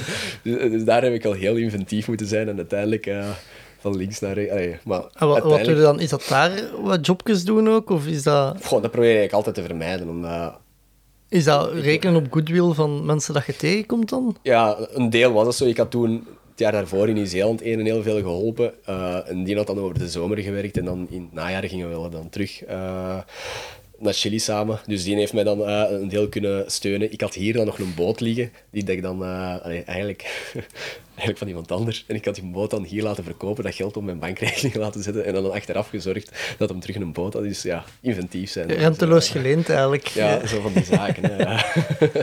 maar ja, ja. Ik wou vooral gaan varen, dat was toen Ja. het allerbelangrijkste. En soms moet je niet te veel laten te- tegenhouden door eh zo'n die zaken, denk ik. ja, ja, uiteindelijk komt er altijd wel. Hè. Mhm. Nadeel had kunnen zijn dat je eens vijf dagen of tien dagen minder vaart als dat je wel geld zou gehad hebben. Maar ja, als je daar uiteindelijk drie maanden hebt gezeten en je moet je dan... Zelfs al moet je eens even gaan werken daar, tien dagen bij... af, uiteindelijk vind je altijd wel iets. Eh, Ah, is dat zo? Ik zou gewoon schrik hebben dat ik geen eten heb s'avonds. Nee, als, je- nee, als je maar 70 euro hebt, dan zou ik denken, ja, dat, dat, dat, is- dat, is ik wat... toegeven dat die 70 euro wel extreem was en dat ik daar wel eh, veel havermout heb gegeten die reis. Maar, Ah, ja. ja. eh, maar ja, het kost ook niet zoveel Nee. havermout. Hè, dus, eh, Nee. Eh, wat voor jobjes heb je dan, eh, dan allemaal gedaan? Is, is dat dan Meestal- als afwasser of... of, of... Nee, nee, dingen, vaak chance. Zeker als, als het wat beter begint te gaan eh, met je varen, kun je nog wel regelmatig als safety kayaker. Dus er zijn, ja, je gaat uiteindelijk naar gebieden waar dat er veel rivieren zijn, want je gaat om te varen. Dus toeristisch gezien wordt daar op bepaalde stukken, op een makkelijker stuk van die rivier, is de kans groot dat er ergens gaat geraft worden met toeristen. Ah, ja. Maar als ze gaan raften met toeristen... Allee, ik, ik ben nooit een, een raftgids geweest, dus eh, dat heb ik nooit gedaan. Maar wat je dan wel kunt doen, als je echt alleen wilt kijken, dat is gaan safety kijken, omdat normaal gezien, eh, als dat er niet is, dan is dat misschien wel een beetje vreemd. Normaal gezien, als je gaat raften, zou er altijd een safety kijker bij moeten zijn. Gewoon voor een simpele reden, valt er een uit in boot. Met een raft is dat niet zo simpel als er zes of zeven andere customers in zitten om daar snel naartoe te gaan, maar die kijker kan daar direct naartoe gaan en die wat geruststellen en die terug naar die raft brengen, zo van die zaken. En ja, dat doet je dan. En dan verdient je toch iets en je zit uiteindelijk nog op het water, dus dat is wel altijd ideaal. En zo Ja. konden we... Het was niet altijd makkelijk om te vinden, maar als je dan uiteindelijk zegt dat je echt geen rotte frank meer hebt, kregen ze wel bijna medelijden en lieten ze ook eens twee dagen werken of zo. dat is toch ook terug 50 euro. zo van die dingen. Amai, ja. Eh, wat zijn zo de gevaren op het water? Als je... Oei. Ja, dat is wel redelijk waar ook, hè. Dieren? Het dieren? Ik wil een fascinatie voor, voor het gebeeste dat er, eh, dat er kan zitten. Een krokodil en zo. eh. Ja, dat was vorig jaar zijn we eh, naar Zambia gegaan. Ah, ja, maar Zambia dat is een, heel populaire plaats voor vanaf nu eigenlijk. Zo de, in deze periode trekken er daar veel naartoe tot half januari, januari zo. ja, daar zitten wel echt veel krokodillen in het water. Maar uiteindelijk, oh ja, houd vasthouden. Eh, meestal is dat oké. Maar die zitten meestal niet in de versnellingen. En dan probeert je niet alleen te zijn als er een vlak stuk is. Want met twee is het procentueel minder kans dat je... Dan, dat moet je alleen, ja, dan moet je alleen sneller zijn dan in een andere. Ja, wel, ja, het is dat. ja, nee, maar zo is, ja, normaal gezien zeggen ze altijd als je wat samen zijn overdag, eh, dat die beesten niet te actief zijn overdag. En dan, ja, daar op dat stuk valt dat mee. Oké. En nijlpaarden? Ja, nee, dat moet je niet, dat, op zo'n stukken moet je niet komen. Ah, ja. Die beesten zijn gevaarlijk. Van die. Maar zitten die ook niet meestal in rustig water? Ah, maar ja, dus die zitten in rustig water. Dus, en ja, dat is grappig. Van, ik heb dan eh, zelf nog niet... allee, in Afrika zaten die ook, want die zaten dan inderdaad effectief achter al die eh, versnellingen. Eh, of er helemaal boven. Eh, dus, dus wij kwamen daar niet, niet mee in contact, enkel op de baan. Als we in de auto zaten of zo, moest je daarvoor opletten. Eh, maar ja, ik heb wel verhalen van, van mensen dat normaal gezien varen wij stukken over als er een, een waterval is dat op rossen valt of, of een stuk dat je niet kunt varen. En die hebben een, een vlak stuk moeten overdragen omdat er in dat meer eh ja, nijlpaarden zaten. Ja, maar dat kan Dat is- zot hard zwemmen, hè? Een ja, ja, ja, en lopen ook. Ja, en lo- en lopen inderdaad Ja. eh, 70 per uur. Denk, ik, nee, Ja, gaat overdreven het gaat zijn. allemaal te hard om eh, er van weg te geraken. Dat is- Je, dat is je denkt dat dat een log, lomp dier is, maar is redelijk agressief. En, eh, Ja, blijkbaar. Dus ja, nee, dat zijn zaken. En ook uiteindelijk met krokodillen op bepaalde punten ook, maar meestal is het altijd vlakke water, is gevaarlijker qua beesten dan, dan eh, waar wij op versnellingen zitten. Dus op dat vlak zitten we dan meestal goed. Wij moeten veel meer opletten met, met slangen en al die zaken. Eh, al, ja. In het water. Ja, Als je nee, in wandelt het water, Als je wandelt, eh, om naar de rivier te geraken of eruit te geraken, dan wandelen wij altijd ja, op stukken dat meestal Geen pad. geen echt wandelpad zijn dat druk bewandeld wordt of zo. En ook, ik heb dat ooit eens opgezocht in een land, omdat ik wou weten of er giftige slangen zaten. En dan stond er ook zoiets van, van ja, dat was op een toeristische website. En dan eh, stond er iets van, ja, er zijn een paar giftige, maar je moet je geen zorgen maken, want ze zitten altijd bij rustige plaatsen, vlak naast de rivier. En dan denk ik, ja, kijk. de normale wandelaar moet daar inderdaad waarschijnlijk zo niet direct zorgen om maken, omdat hij daar, want een rustige plaats aan de kant van de rivier, dat is altijd waar we in en uitstappen natuurlijk. Ja. dus, eh, maar bon. Ja, en we weten van de Karasabbe, eh tegengif, super duur. Eh, Ja, wij hebben dat meestal daar, we hebben dat niet bij. En, eh, maar, nee, ik, hij heeft het toen toch opgezocht, denk ik. En ja, dat, dat kost zoveel en je hebt zoveel verschillende soorten slangen dat, Ja, dat, je dat niet kunt, kunt meepakken. ja, wat ik meestal inderdaad hoor is van, van, je moet gewoon proberen ofwel een foto te pakken of dat beest een beetje te herkennen en dan rustig blijven, zeggen ze altijd bij slangen, want als je wild gaat doen, gaat het blijven allemaal sneller. Dus rustig blijven en proberen dan ziekenhuis te geraken en wat te zeggen wat voor slang dat, dat was. Ah, Maar, eh, gevaren op het water? Eh, in de Ja, versnellingen? De voornaamste, je hebt zo'n paar... Ja, nou, bomen zijn heel gevaarlijk altijd over de rivier. Dat, dat is zo overal. Dat kan zelfs op redelijk vlak water zijn, zo- zoals in Dardenne hier eh, bij ons. Dat moet geen zotte rivier zijn om, om iets, een heel gevaarlijke situatie met bomen, terwijl ze die over de rivier zijn geva- eh, en zo achter een bocht of je kunt niet stoppen. Welke reden dan ook, van, meestal schiet je een boot daar bijvoorbeeld onder en als, als je nog recht kunt blijven, als je boot daaronder zit, dan zit hij tot hier. Meestal wil zeggen dat je er niet uit kunt. Dat is dan nog een oké situatie, omdat je hoofd eh, boven water is. Maar dan een boom met takken is bijvoorbeeld, dat is omgevallen en je wordt daaronder geduwd, ja, je, je raakt er niet, dan zit je vast onder water. Dat zijn van die momenten dus dat je, ja, die takels misschien, of, of weet ik veel, dat- maar dat is, ja, dat, dat is echt gevaarlijk.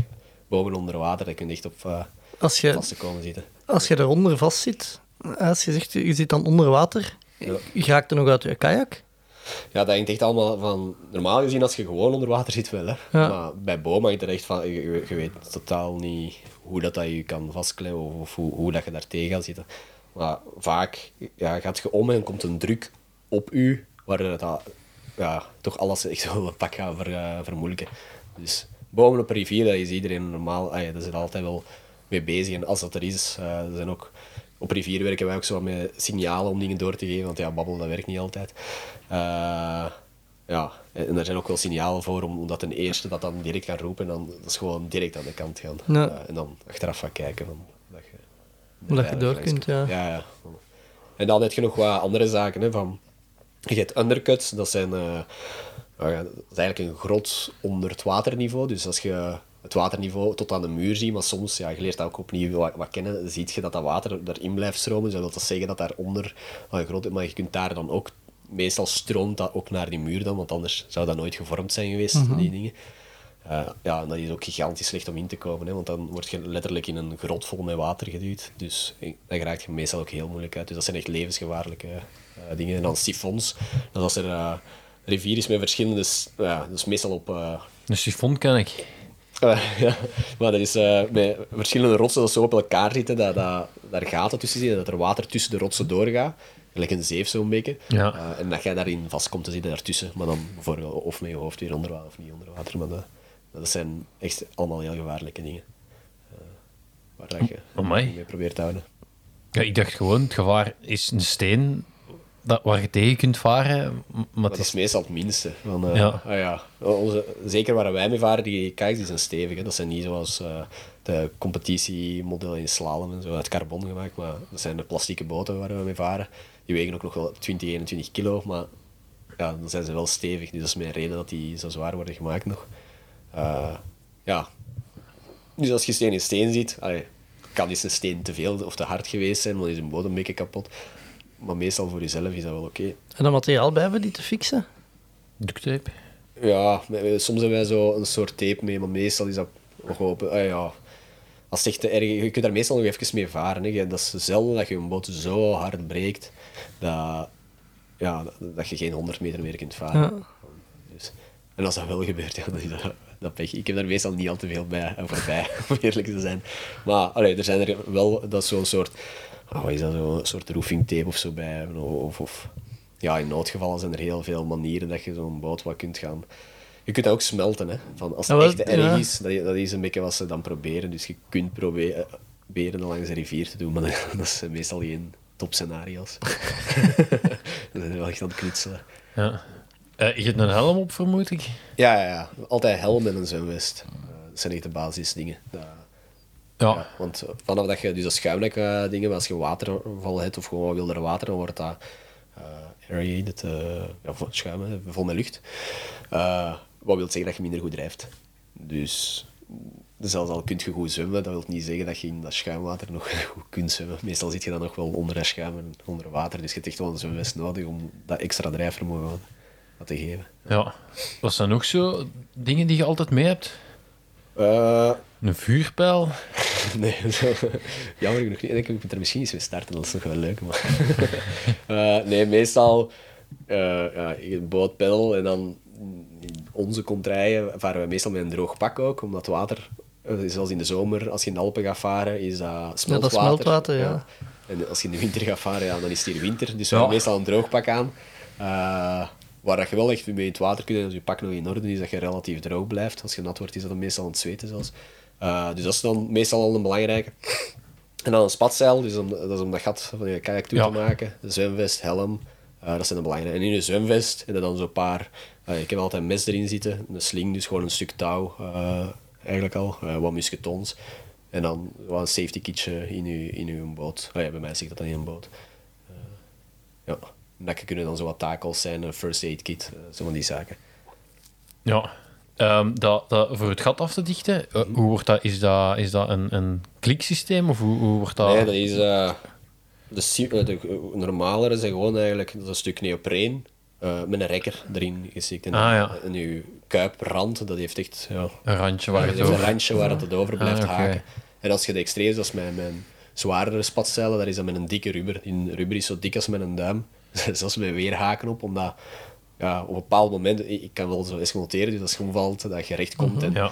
en ik- ja, soms is het water zo groot dat een druk van het water zo'n gewoon spatzeil loskrijgt. Dus vanaf dat het wat moeilijker is, dan vaar ik altijd met mijn, mijn stevig spatzeil. Dus met die eh, een dikke rubberen rand. En dat is heel moeilijk om aan te krijgen. Maar eh, vanaf dat het erover zit, komt het wel echt niet snel meer los. Maar dat je meestal wel graag hebt. Dat Maar moet het niet snel los kunnen dat je eruit moet? Of, Goh, ik heb liever eerst dat hij heel lang blijft zitten en als ik eruit moet, dan is het al echt slecht. Dus, dus- en uiteindelijk krijg je dat nog wel los. Hè. Van, nee, dat is niet dat je niet, want je moet dat ook uitstappen. Hè. Dus je krijgt altijd wel los, hè, maar niet, niet graag snel. ja. liever dat hij er goed vast rond zit. Want soms als je in een wal, ja, je kunt wat... Ja, je wilt gewoon niet dat je gewoon aan het varen bent en dat dat ineens losschiet en dan je aan het zinken bent. Hè. Dat zou wel jammer zijn. Ja. ja, want dat maakt dat er geen water in je boot kan. Dat, Ja. dat je- ja oké. Ja, exact. eh, Perfect droog blijf je daar ook niet in, hè, maar Nee. gezien En heb je handschoenen aan? Voor de, de, eh, nee. Ah, ja. De bestaat, dat zijn de, nee, de meeste varen met zo van die wandjes dat je ziet op fietsen soms ook. En dat zo rond je stuur gedraaid zijn waar dat je handen zo in Ja, ja, ja, zo. Zo op Ja. sco- ik, de eerste keer dat ik dat gezien heb, is zo'n jaar of 15 geleden op de scooters in Parijs. Die hadden dat Ja, ja, ja. allemaal. De... Oh ja, zoiets in een naard. Eh, er bestaan ook handschoentjes, maar die, dat is meestal niet zo leuk voor je grip. Op die manier heb je je pedal echt nog normaal vast. Maar dat varen nog altijd niet zo leuk, want je voelt dat aan je pols, dat dat zo wat afremt. Dus de meeste varen daar niet graag mee. Maar als het echt niet anders kan, eh, ah ja, dat, dat gaat wel. Zoals in Pakistan hebben we dat wel een paar keer nodig gehad. Ja. Als je boven de 3000 meter aan het varen zijn op glacial water. eh.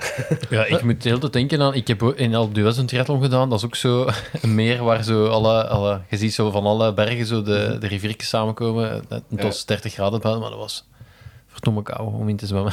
Ja, ja, ja. Zijn er plaatsen waar dat je niet met, in het, met een droogpak moet varen? Ja, ja, op, ja. ah, je zoals ik zei, we daar in Afrika, of nu in India. Ah ja, oké. Want eigenlijk is dat toch... water komt bijna toch altijd uit de bergen, op Met de rivieren. bergen, maar niet, eh, vaak ook van regen. Hè. Zoals in Ah, India ja. is dat van de monsoon. Eh, Ja. En dan blijft dat zo'n paar maanden uitstromen. En na twee maanden is dat leeg, om het zo te zeggen. Eh, en in Afrika, ja, dan komt dat van heel hoog. Maar dat is echt warm, warm water. Dat Ja. is, dat is ongelooflijk. Ja. Ik heb waarschijnlijk een slecht beeld van India, maar is dat ook zo niet een beetje een open riool dan een rivier? Zit er... Ja, nee, Maar misschien als je boven de stad zit, dat je dat het vuil van de stad nog niet meer Ja, dat nu, ik denk dat dat in bepaalde gebieden jammer genoeg echt wel waar is daar, eh, als je dat ziet. Maar wij zaten wel, Meghalaya, dat is voor India niet zo'n heel druk eh, bewoond gebied. En wij zitten inderdaad hoog op de bergen. Ah, ja. Eh, wij zaten meestal boven de steden te varen. Van, maar ja, dat zijn dingen dat je tegenkomt. Ja, vervuiling in het algemeen, hè, dat is soms schrijnend om te zien. In Europa zijn we hier heel veel met recycleren en milieu bezig. Maar zijn heel veel landen, zoals in Nepal, was een zu- eh, eh, vuilnisbelt, eh een buitenkant van een bocht, twee meter boven de rivier. Eh, dan zijn ze daar aan het varen, zie je dat allemaal. Want die vuilnisbelt ligt daar in de buitenkant van een bocht, omdat er dan binnenkort de monsoon is. Dan En dan wordt dat.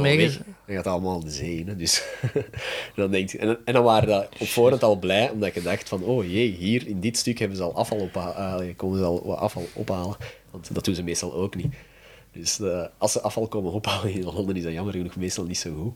Eh, dan is dat gewoon om ergens in een rivier te kappen of eh, ja, vervuiling. Dat, dat is... Maar ja, die mensen zijn misschien eerder... Allee, die prioriteit is misschien overleven eerder dan... Allee, voor ons is... Recycleren. Ja, Ja, die kennen dat daar ook gewoon Ja. niet. Hè? Van, van als er geen oplossing... Je kunt ook moeilijk wa- kwaad worden op die mensen. Als er Nee, systeem-. Allee, ja, wij, wij hebben het geluk dat hier een systeem is in een- al onze soorten zakken of bakken. Eh, we moeten maar doen wat ze zeggen uiteindelijk. Maar als dat er allemaal niet is, ja, wat gaat je dan doen? Dat zijn altijd de zaken dat wij over zitten te praten. Wat zou het nu het beste zijn? Je papier op de grond gooien of verbranden? Want er is daar niks anders. Het is één van de twee. Hè? Ofwel laat je het liggen, ofwel haalt je het nog een beetje bij elkaar en ziet het er proper uit, maar je hebt het wel verbrand. Dus Ja. Dat is moeilijk. Hè? Ja, bij Sport Vlaanderen op de, op de website zag ik dat er ook een samenwerking was voor met Clean Up Rivers, of ik weet niet meer Ja, juist die hoe zijn daar nu eh, veel mee bezig, inderdaad. Eh, van die clean-ups te doen. Eh, ja, dat is ook nodig. Ja. Als je dat ziet in de rivieren, wat er allemaal ligt. Dus dat is, ja, een goed initiatief, dat ze daar Ja. nu veel tijd in steken. En dat is ook met, met veel vrijwilligers en clubs en mensen dat daarvoor worden aangesproken. En, ja. Dat gaat over de lokale rivieren, vermoed ik. ja, dat is in België. hè. Ja. We gaan dat niet. Momenteel nog niet. Nee. Zit er zoveel afval in de Belgische rivier? Allee, of gaat dat over clean-up van, ik zeg maar iets, chemische bedrijven die lozen in rivieren? Ah, nee, dat gaat echt over clean-ups. eh. Ja. Dus echt letterlijk van mensen die in kano's ja. en die, ja, of in Leuven fietsen. Hè. Dus, eh, ja. dat kan alles zijn. Alles wat ze eruit halen. Van, eh, ja, ze verschieten daar elke keer nog wel van, wat ze daar altijd wel vinden. Ja, mooi. Wat is uw, uw job juist bij Pedalsport Vlaanderen? eh, dus ik zie het bij topsport. Dus we, we hebben een deel van de federatie eh, dat, dat je alles regelt voor binnen, eh, voor binnen de federatie. En die hun, vooral ook met die clean-ups bijvoorbeeld eh bezighouden. Dat zit ook allemaal bij hun. Dus dat is eh, hun verdiensten. En dan hebben we het topsportgedeelte. En daar zijn wij ook met vier. En dan eh, een paar topsportcoaches. En eh, nu zit ik eh, op de sprint, maar ook een deel op de slalom. Omdat wij ook Gabriel de Koster hebben. Die was in Tokio ook... Ja, van Tervuren, denk ik. Hè? ja, ja. Dus Gabriel de Koster, en dus daar ben ik nu coach van. En dan nog bij de sprint. En bij de sprint is dat jeugd in eh, U23. Oh, mooi. Ja. Ja, ik heb hem ooit eens zien trainen in, in, in Leuven, denk ik. Eh, ik ben echt blijven kijken, want dat was echt wel redelijk indrukwekkend. Ja, Eh. dat is nog, nog de dijlen. Dus, Ja, nee, maar gewoon, ge- gewoon hoe, hoe krachtig en hoe, ja, hoe vloeiend dat het er, eruit ziet. Ja, ja. Eh, ja, als je een, goed- een sport goed kunt, zie- ziet dat er makkelijk uit. Maar daar zag ik al direct van, oeh, fuck, dat is echt wel... Die is echt wel goed of zo, want... Ja, ja, ja, die jongen is goed bezig. Dus Ja. nu hopen dat we dat zo wat kunnen blijven houden. Want het is weer al een belangrijk seizoen. hè, Dus. Ja, kwalificatie voor Spelen, vermoed Ja, ik. volgend eh, jaar september in Londen. Ah, ja, oké. Dus we weten we naar eh, waar dat we werken. Hoeveel wedstrijden doen die zo per jaar? Want ik- we hebben Arthur Peters Ja. ook eens te gast gehad. Die had ja, eigenlijk relatief weinig Ja, wedstrijden de, op bij jaar. sprint doen we veel minder wedstrijden als bij slalom. Eh bij slalom is ook wel gewoonte om in- in minder belangrijke jaren net iets meer wedstrijden te doen. Dus nu zal het er iets minder zijn, maar dat gaan er toch nog zeven of acht zijn. Ah. Eh, en ik denk vor- vorig jaar dat hij wel eh, twaalf wedstrijden of zo zal meegedaan hebben. Ja. Ja. Dus, maar je hebt, eh in slalom heb je sowieso al vijf World Cups, het WK, het EK. Gabriel is dan nu, deze seizoen gaat hem zijn laatste jaar U23 zijn, maar nog altijd U23. Dus hij had ook nog EK U23, E- WK U23. Dus er waren al redelijk, redelijk wat wedstrijden dit jaar. hè. Ah, mooi. Waar trainen jullie meestal? Ja, we proberen nu veel in, in het buitenland te gaan zijn, maar hij zit nog met een paar stages van school. Dus nu deze periode is hem in België en dan is dat hoofdzakelijk Leuven, omdat dat het makkelijkst is voor hem. En dan hebben wij in Luik, eh, is er nog een, eh, Een parcours. ja. Ja. dat is niet echt Maar die was beschadigd met de overstromingen, had ik gelezen. Ja, inderdaad. Dat was vooral de club en ook een deel van het parcours dat wel ondieper is geworden achteraan. Eh, dus niet 100% ideaal, maar eh, momenteel kun je er terug gaan trainen als er voldoende water staat ook. Want dat is ook eh, dat is niet zoals een nieuwe parcours met pompen of dat waterniveau geregeld is. Eh, dus dat is volledig natuurlijk. Als het heel lang droog is, als nu bijvoorbeeld, staat het eigenlijk net iets te laag om tot daar te rijden en ja, een deftige training te kunnen, kunnen uitvoeren. Ja. Maar dat zijn de twee parcours en voor de rest zal het allee, ja, naar het buitenland zijn. Ja, je hebt wel wat nodig, denk ik, om dat, ja, deftig te kunnen trainen. Hè? Allee, dat is... Met de slalom. Ja, Ja, ja, ja. ja je hebt genoeg is, debiet nodig, denk ik. Je hebt Ja, poortjes nodig. inderdaad. Maar in Frankrijk is gelukkig zo'n land dat gigantisch veel eh, parcours heeft eh, kunnen bouwen. Eh, dus er echt veel. Dus daar kunnen we wel redelijk makkelijk naartoe gaan om te trainen. En er zijn er een paar dat niet al te ver zijn. Dus we er, de voornaamste gaan voor ons zijn rond Epinal zijn, dus rond de 4 uur, 4,5 rijden. Dus als je daar voor een verlengd weekend of een week eens naartoe gaat, dan valt dat nog wel mee. Ja, ja ehm, sinds eh, Arthur Peters de containercup eh omver geworpen heeft eigenlijk, eh, we- weten we eh, ja, wat voor atleten ze zijn? Hoe, hoe, hoe trainde zelf vooral uw, avontuurlijk, eh, en, eh, uw avonturen en uw conditie? Wat, wat op Ja, eh? Want ik, ja, ik vermoed dat... de- je ziet dat op de beelden ook. Het is toch ook altijd wel een heel explosieve inspanning of zo. Het is inderdaad me- me- meestal explosief. Of, of zo gecombineerd met heel lang rust, relatief rustig te varen op een rivier. En dan op de moeilijkere stukken ineens heel explosief kunnen. Want dan wil je wel je snelheid hebben op het moment dat je het moet hebben. Eh, en dat trainen, eh, soms is dat heel moeilijk. Hè. Zeker als ik zo lang in het buitenland zat, dan, dan voelde ik dat wel. Dus toen in die periode was echt thuiskomen en terug meer eh, in de fitness gaan. Je hebt ook nog wel wat gewicht en basiskracht nodig. Maar in het buitenland, ja, dat, dat gaat gewoon letterlijk soms niet eh, in sommige landen. Dus dan ging dat niet altijd, dus dan sloeg je dat echt in periodes over. Dus dat was wel een moeilijke, zeker omdat ik, kwam dan ook van slalom, dus van competitie, dus ik was ook vrij gewend om dat, dat mooi ingedeeld te doen allemaal en dan jaren door te blijven doen en zo van die zaken, met alles te trainen. En daar een beetje logica, dus dat was wel een moeilijke voor mij om daar zo wat mijn weg in te vinden, van soms moet je dat wat kunnen loslaten, van dat je daar niet aan kunt werken, maar dat je dan heel hard technisch, omdat je zoveel op de rivier zit en, dat je, dan proberen wat andere dingen te doen. Dus, eh, ja. Maar ik probeer me nu altijd thuis voor te bereiden op algemene conditie en, en kracht dan, zodat als ik naar daar ga, dat ik echt puur op de rivier kan zitten. Ja, En gaat dat lopen, fietsen, of is dat vooral in de fitness? Nee, vooral varen op, op vlak Ah, ja. water eigenlijk. Eh, en dan wat in de fitness eh, zitten. En de rest is wat meer voor het plezier. Ik, fi- ik fiets wel graag, maar dat is niet in mijn schema of zo. Dat is gewoon Ja. cruising hebben om nog te gaan fietsen en Ja. te gaan mountainbiken. Eh, tot, tot eh, hoeveel kilometer doe je dan op het vlak water? Vaar, dat hangt van, van periode natuurlijk, zoals alles zeker af. Eh, maar nu, ja, deze periode, eh probeert je wat kilometers te doen, rustiger tempo. Dus ja, zaterdag was 20, gisteren was 15, zo van die afstanden. Maar dat ik ga naar 10, 12 kilometer is zo het voornaamste dat je door het jaar wel gaat blijven doen. Ja. Omdat dat dan steviger is en dan je rust ertussen, dan komt dat meestal rond die afstanden uit. ja. Het is niet dat je naar Leuven Nee, kan ik voor, een- voor, voor een koffie te gaan drinken en, en, en, en Nee, terug nee. of zo. Nee. Ja, er zijn ook te veel sluizen, hè, want het gaat hij overwandelen. Ah ja, dat is juist, ja. En opletten voor die slangen langs de vaart. Ja, dat is niet- Aan de, op de oevers. Eh, we we waren begonnen met dat whitewater en wildwater. Eh, Ja.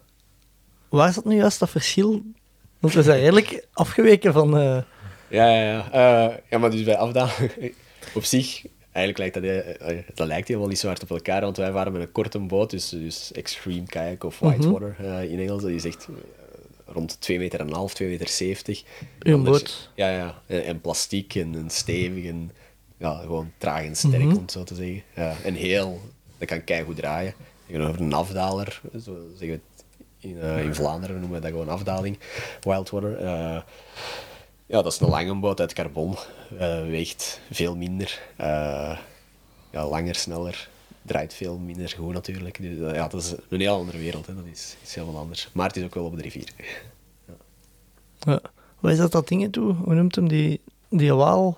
Maxime Richard. Ja. Ja, oh, die deed ook afdaling. Ah. Afdaling en dan sprint heeft hij ook gedaan. Ja. Maar de Ja. laatste tijd niet, niet echt meer. Ja.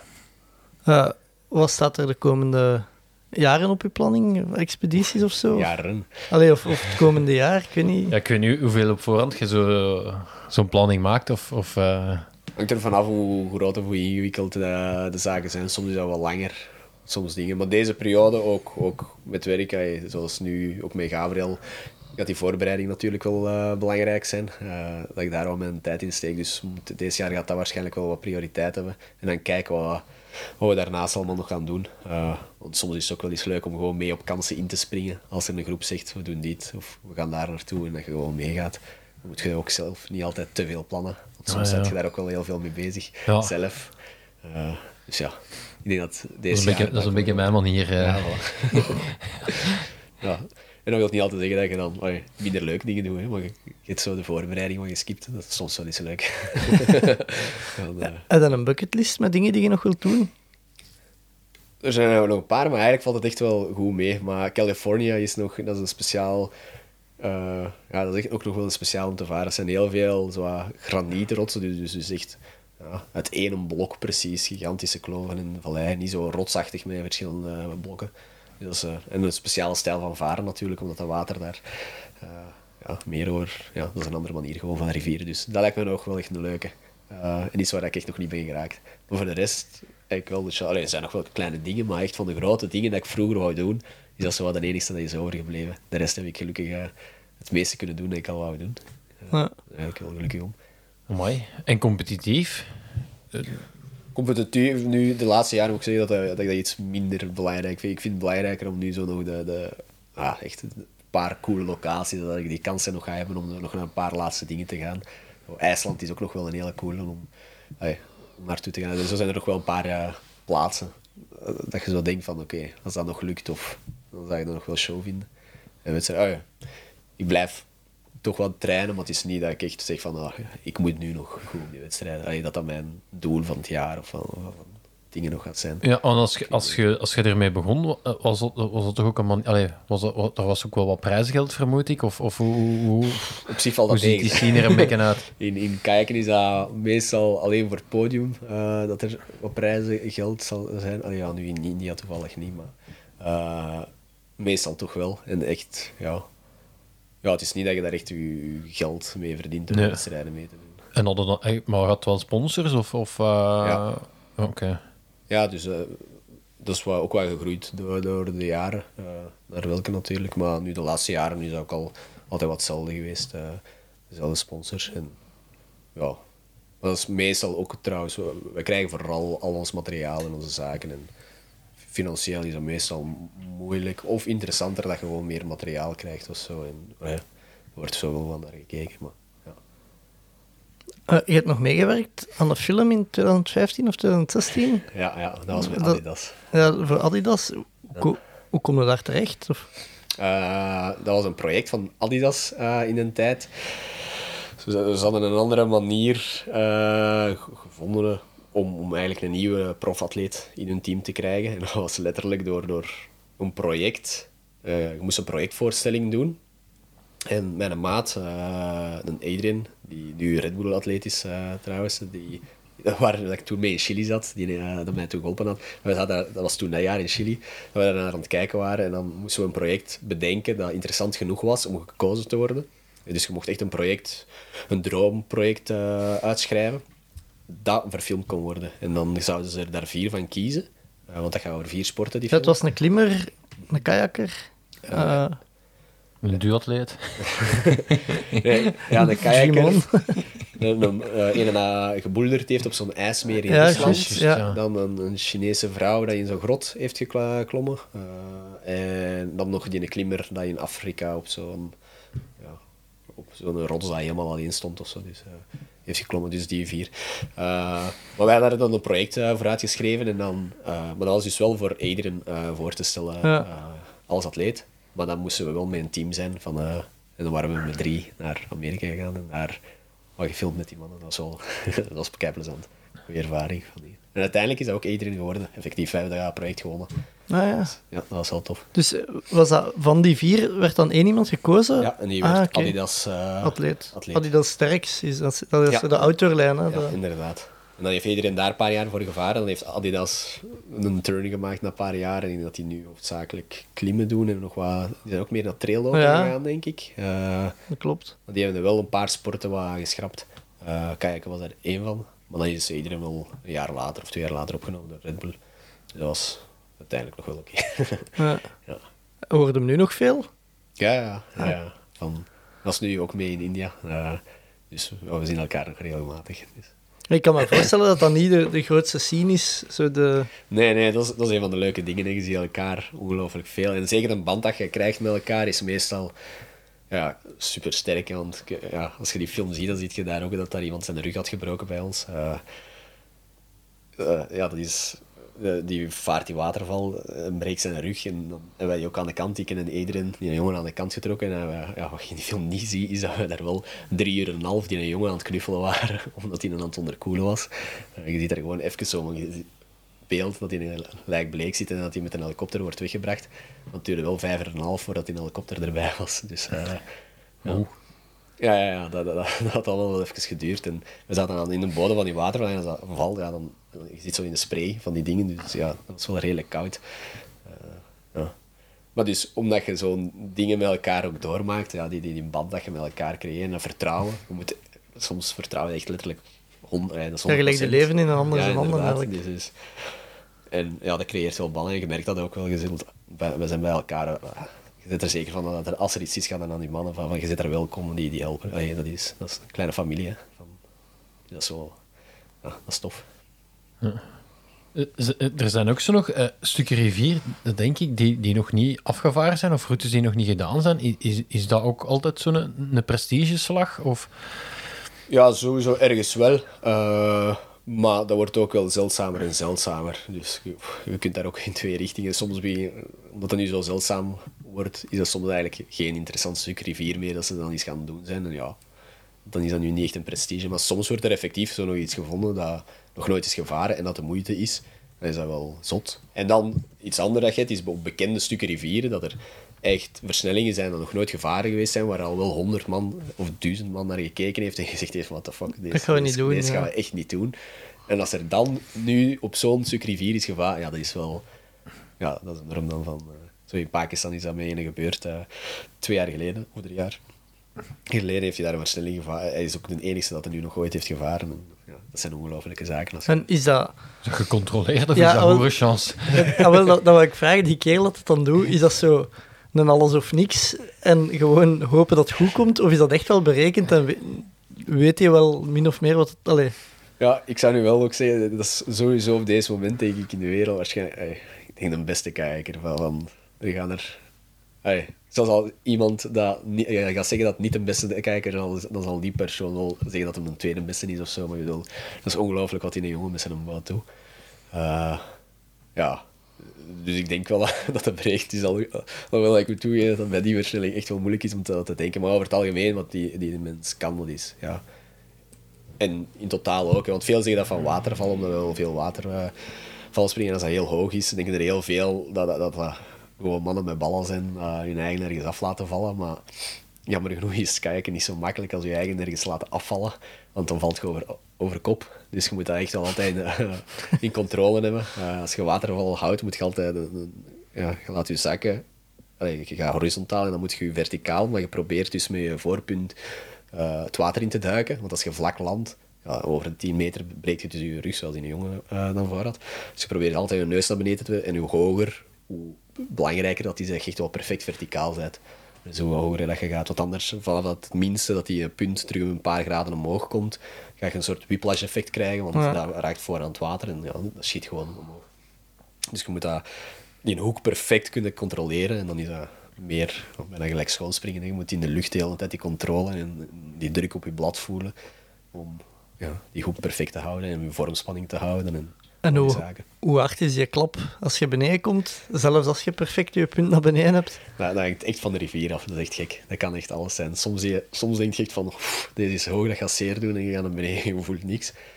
En soms is het zelfs niet zo heel hoog en dan krijg je echt een klap dat je denkt van, oh, wat was deze? Eh, ja. Wat is niet hoog?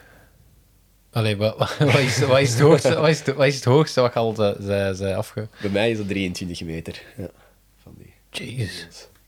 Ja, ja, dan- ja, kijk ik ook in mijn broek zeg. Ja, ik, heb, ik In zou... een kajak eigenlijk. ja, ja, meestal daarvoor op de kant. Vanaf dat ik in een boot zit, ja, dan kun je daar best niet meer aan denken. Ja. Maar het is, eh, het is ook als je echt horizon ziet dat je, dat je stopt. Want ja, ik zou altijd denken, ja, dat gebeurt is. eh, Vaak is dat in mountainbiken ook. Je doet een zotte afdaling, omdat je niet gezien had wat er kwam. En je was toch wel aan het gaan. En je dacht, ja, Ja, stoppen is nu ook te gevaarlijk. Ik kan, ik kan Ja, maar gewoon laten pollen. Zo'n watervallen mij valt nu meestal echt wel op. dat, dat, dan zijn die ineens aan de toppen van de het varen, dus dat klopt dan meestal niet. Ah, Nee, maar. Plus, als je zo'n waterval... Dat ook, ziet ook bij je voorbereidingen, van... van ai, dat, dat weten we nu wel, als er watervallen zijn van 10 meter en zo, dat, dat, dat weet je al op voorhand dat dat op die rivier gaat zijn. Eh, 23 meter is echt wel, echt, echt wel hoog. Hè? Ja, dat vond ik toen ook. maar dat is niet, eh, helemaal niet het hoogste dat er wordt gevaren. Hè, van, eh, allee, zo, de 30 meter, dat, eh, als ze daarover gaan, dat is, wel al, dat is meestal extreem. Maar het wereldrecord is 56. Hè. Ah, Ja, dat is echt wakker. Dat zijn gewoon dat is die ene en dezelfde waterval als zich daartoe leent. Want dat is ook ding met... Als je gaat springen van iets, dan kun je gewoon kiezen van, weet ik veel, daar is het al twee meter hoger. Dat is even die beneden of zo. Allee, dat is iets makkelijker om opties te vinden, maar met watervallen. Het is niet dat er per half meter een perfecte waterval ergens op de wereld is. eh, dat zie je dingen. Dus eh, die sprongen zijn eh, hoog.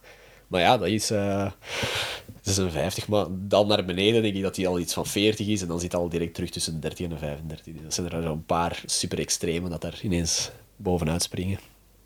Ja, vanaf 30 meter is wel echt zeldzaam. maar een stoeme vraag, maar we- weet je dat diep genoeg is? Ja, ook Allee, ik weet niet hoeveel diepte dat je pakt als je neerkomt, maar je gaat wel onder, ja, toch? Ja, je gaat wel onder. En toch op zijn minst de diepte van de lengte van je kajak, want je kajak verdwijnt nog altijd. Dus eh, dat zal wel drie meter allee, tot je neus, op zijn minst. Ja. Dat is zot, hè. Dat is, dat is in het zwembad. De bodem tikken. Hm? Ja, op zijn minst. Hè, van, van, ja, van, bij die 56 meter al een pak meer geweest. Hè. Maar je hebt ook een beetje... Ja, je kunt wel zien hè, naar, naar de rivier. Hè, zoals als je die vaart, als, als het water al wel lager is dan normaal, dan weet je dat dat al veel meer gerodeerd gaat zijn. Als je een riviertje vaart dat heel klein is, eh, en je gaat daar in vloed iets varen, dan weet je al dat de dingen meestal niet... Ge, allee, of minder kans is dat al mooi gerodeerd en dus is. eh, van die zaken.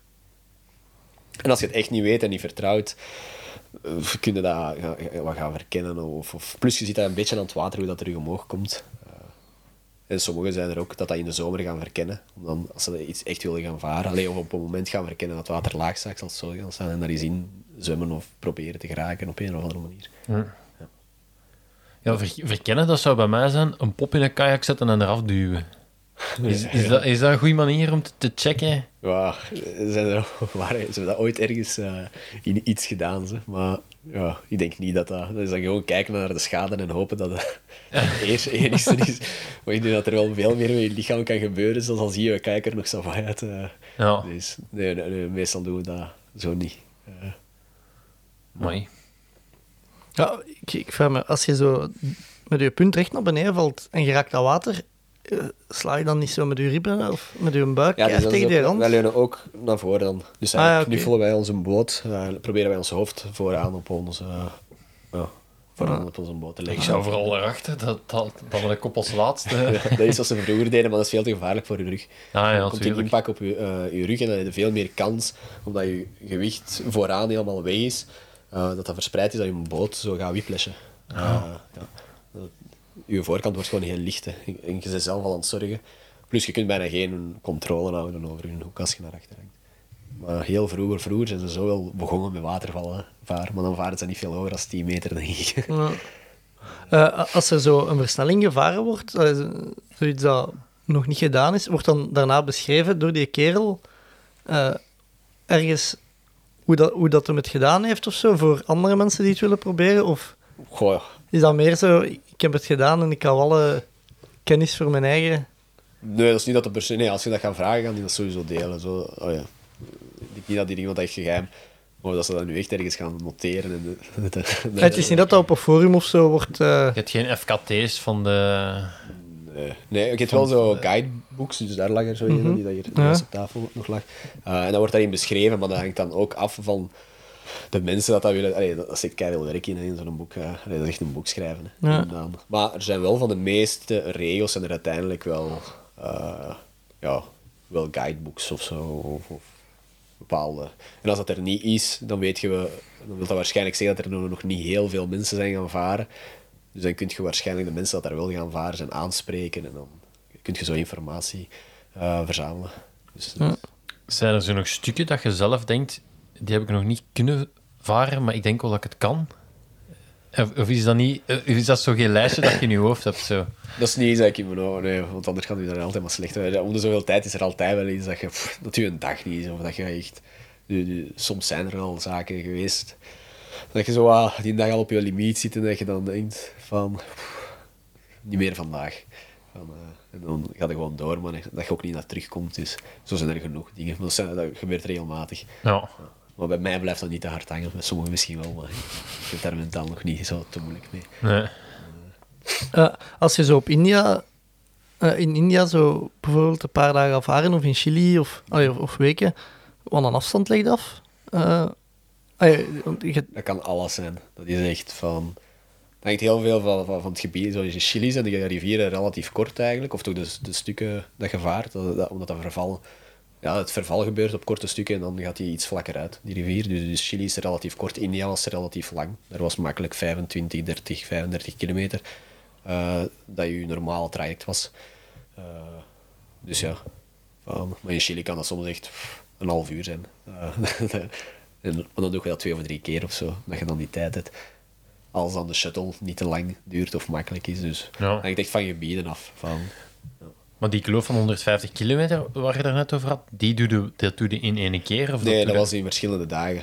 Omdat, dat, dat is, ja, ook gewoon om de rivier te gaan verkennen. Eh, dus af en toe uit te stappen en aan die versnelling te gaan kijken. Dat zijn er echt Pakistan rotsblokken van letterlijk huizen groot waar dat je door moet kruipen. Dus soms duurde het al 20 minuten of een half uur om gewoon tot, te kunnen gaan kijken naar die versnelling. Als je dat dan nog eens zou gaan overdragen, omdat, of één iemand van je groep wou overdragen. Dus ja, dat, dat is echt wel heel, heel draagziek. Want wij, dat, duurt voor de meeste crews altijd zeven dagen. eh, over die 150 dat je doet. Ja. Maar dan zit er één dag een rustiger eh, dingen. Dan denk je dat je 42 kilometer op één dag doet. Eh, dus dat is zo heel verspreid. Maar dat is gewoon omdat die 42 kilometer iets opener is. Net, net een iets makkelijker niveau is. Dus de meesten moeten niet uitstappen en je kunt wel blijven varen. En dan gaat dat keigoed vooruit. Maar soms, als je heel tijd moet gaan kijken, dan en, moeilijke versnellingen zijn en je safety moet zetten, dan, dan kruipen daar keiveel uren in. Ja. Maar meestal op zo'n dag zitten we wel acht uur op, eh, op, een op de rivier. eh, die dag. ja. Dat zijn wel Eh, lange dagen. Ik herinner mij ook van eh, die film dat ik gezien had in Leuven dan, ja, dat dat meestal, dat dat echt wel beelden zijn, zo in die films waarvan dat je denkt, amai, de kans dat ik dat ooit ga zien in mijn leven is klein of zo, uit die gebieden. Eh, zijn er nog films of zo dat je zegt van de mensen die het eens willen zien, die online staan, eh, Oh. die zouden eens moeten zien. Ik weet, er is een documentaire van Red Bull over een Oegandees, die... Ja, op Red Bull staan er eh, wel zo eh, op Red Bull TV zo. Ja. hè. Daar staan er wel zo een paar eh, filmpjes op, maar zijn ja, maar echt over schoon stukken. Bij Kijk had het dan nog wel snel over zo kayak porn noemen. Ah, ja, zo- De coole shit.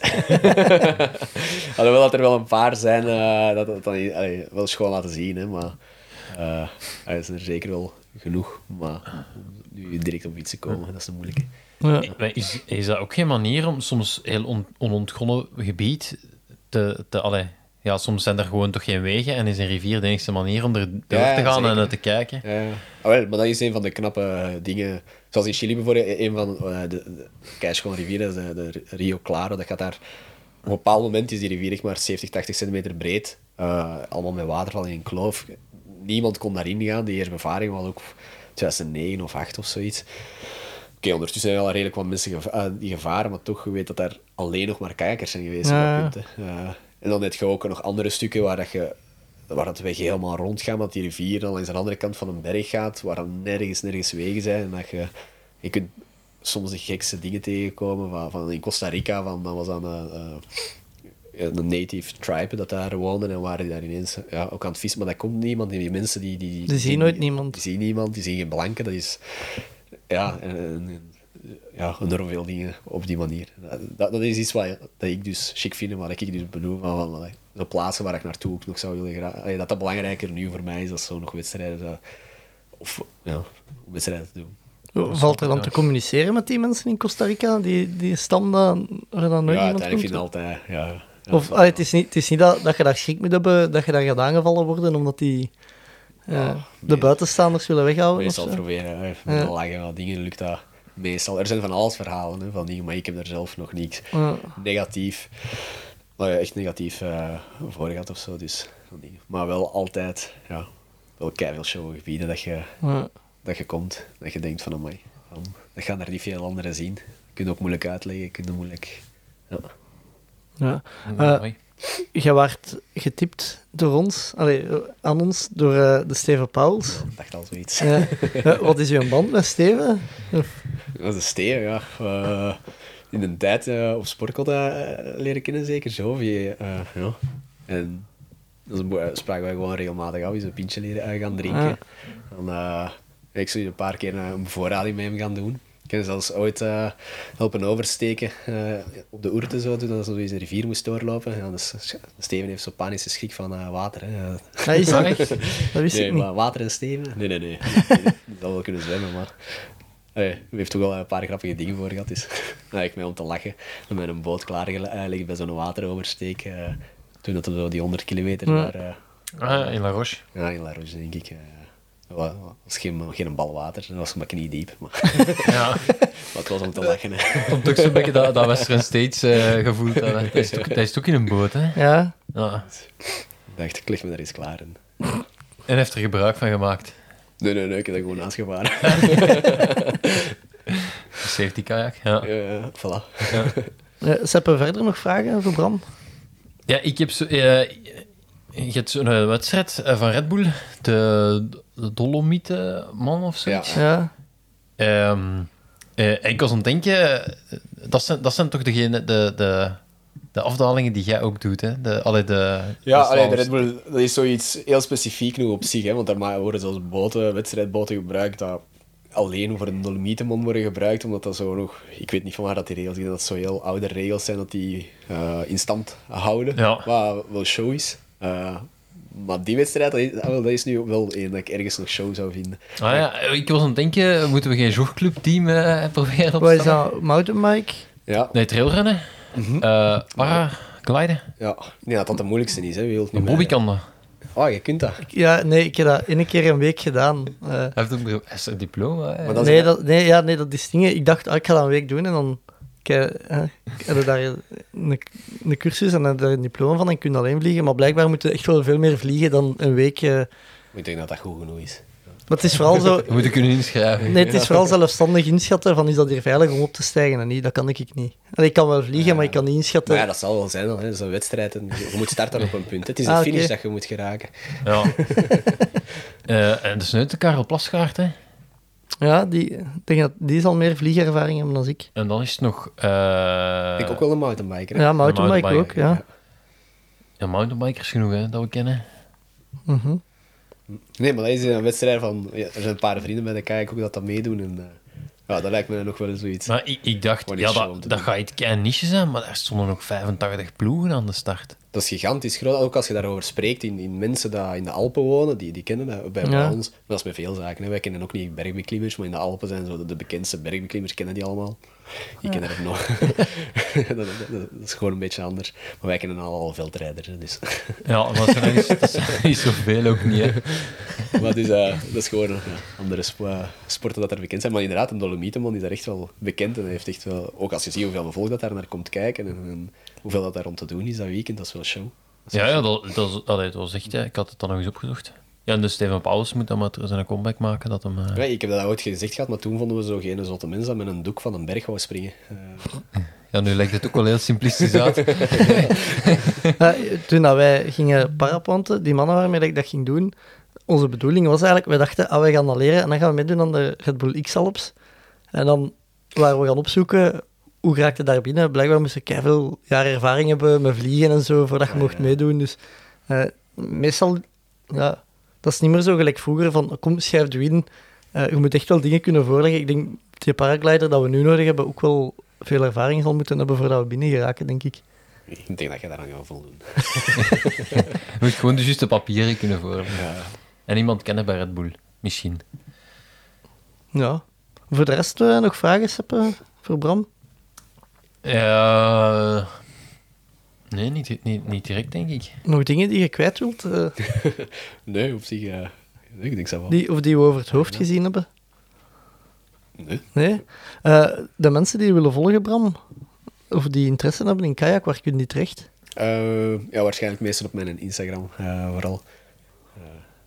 Bram Peters? actief nog door, inderdaad, Bram Peters.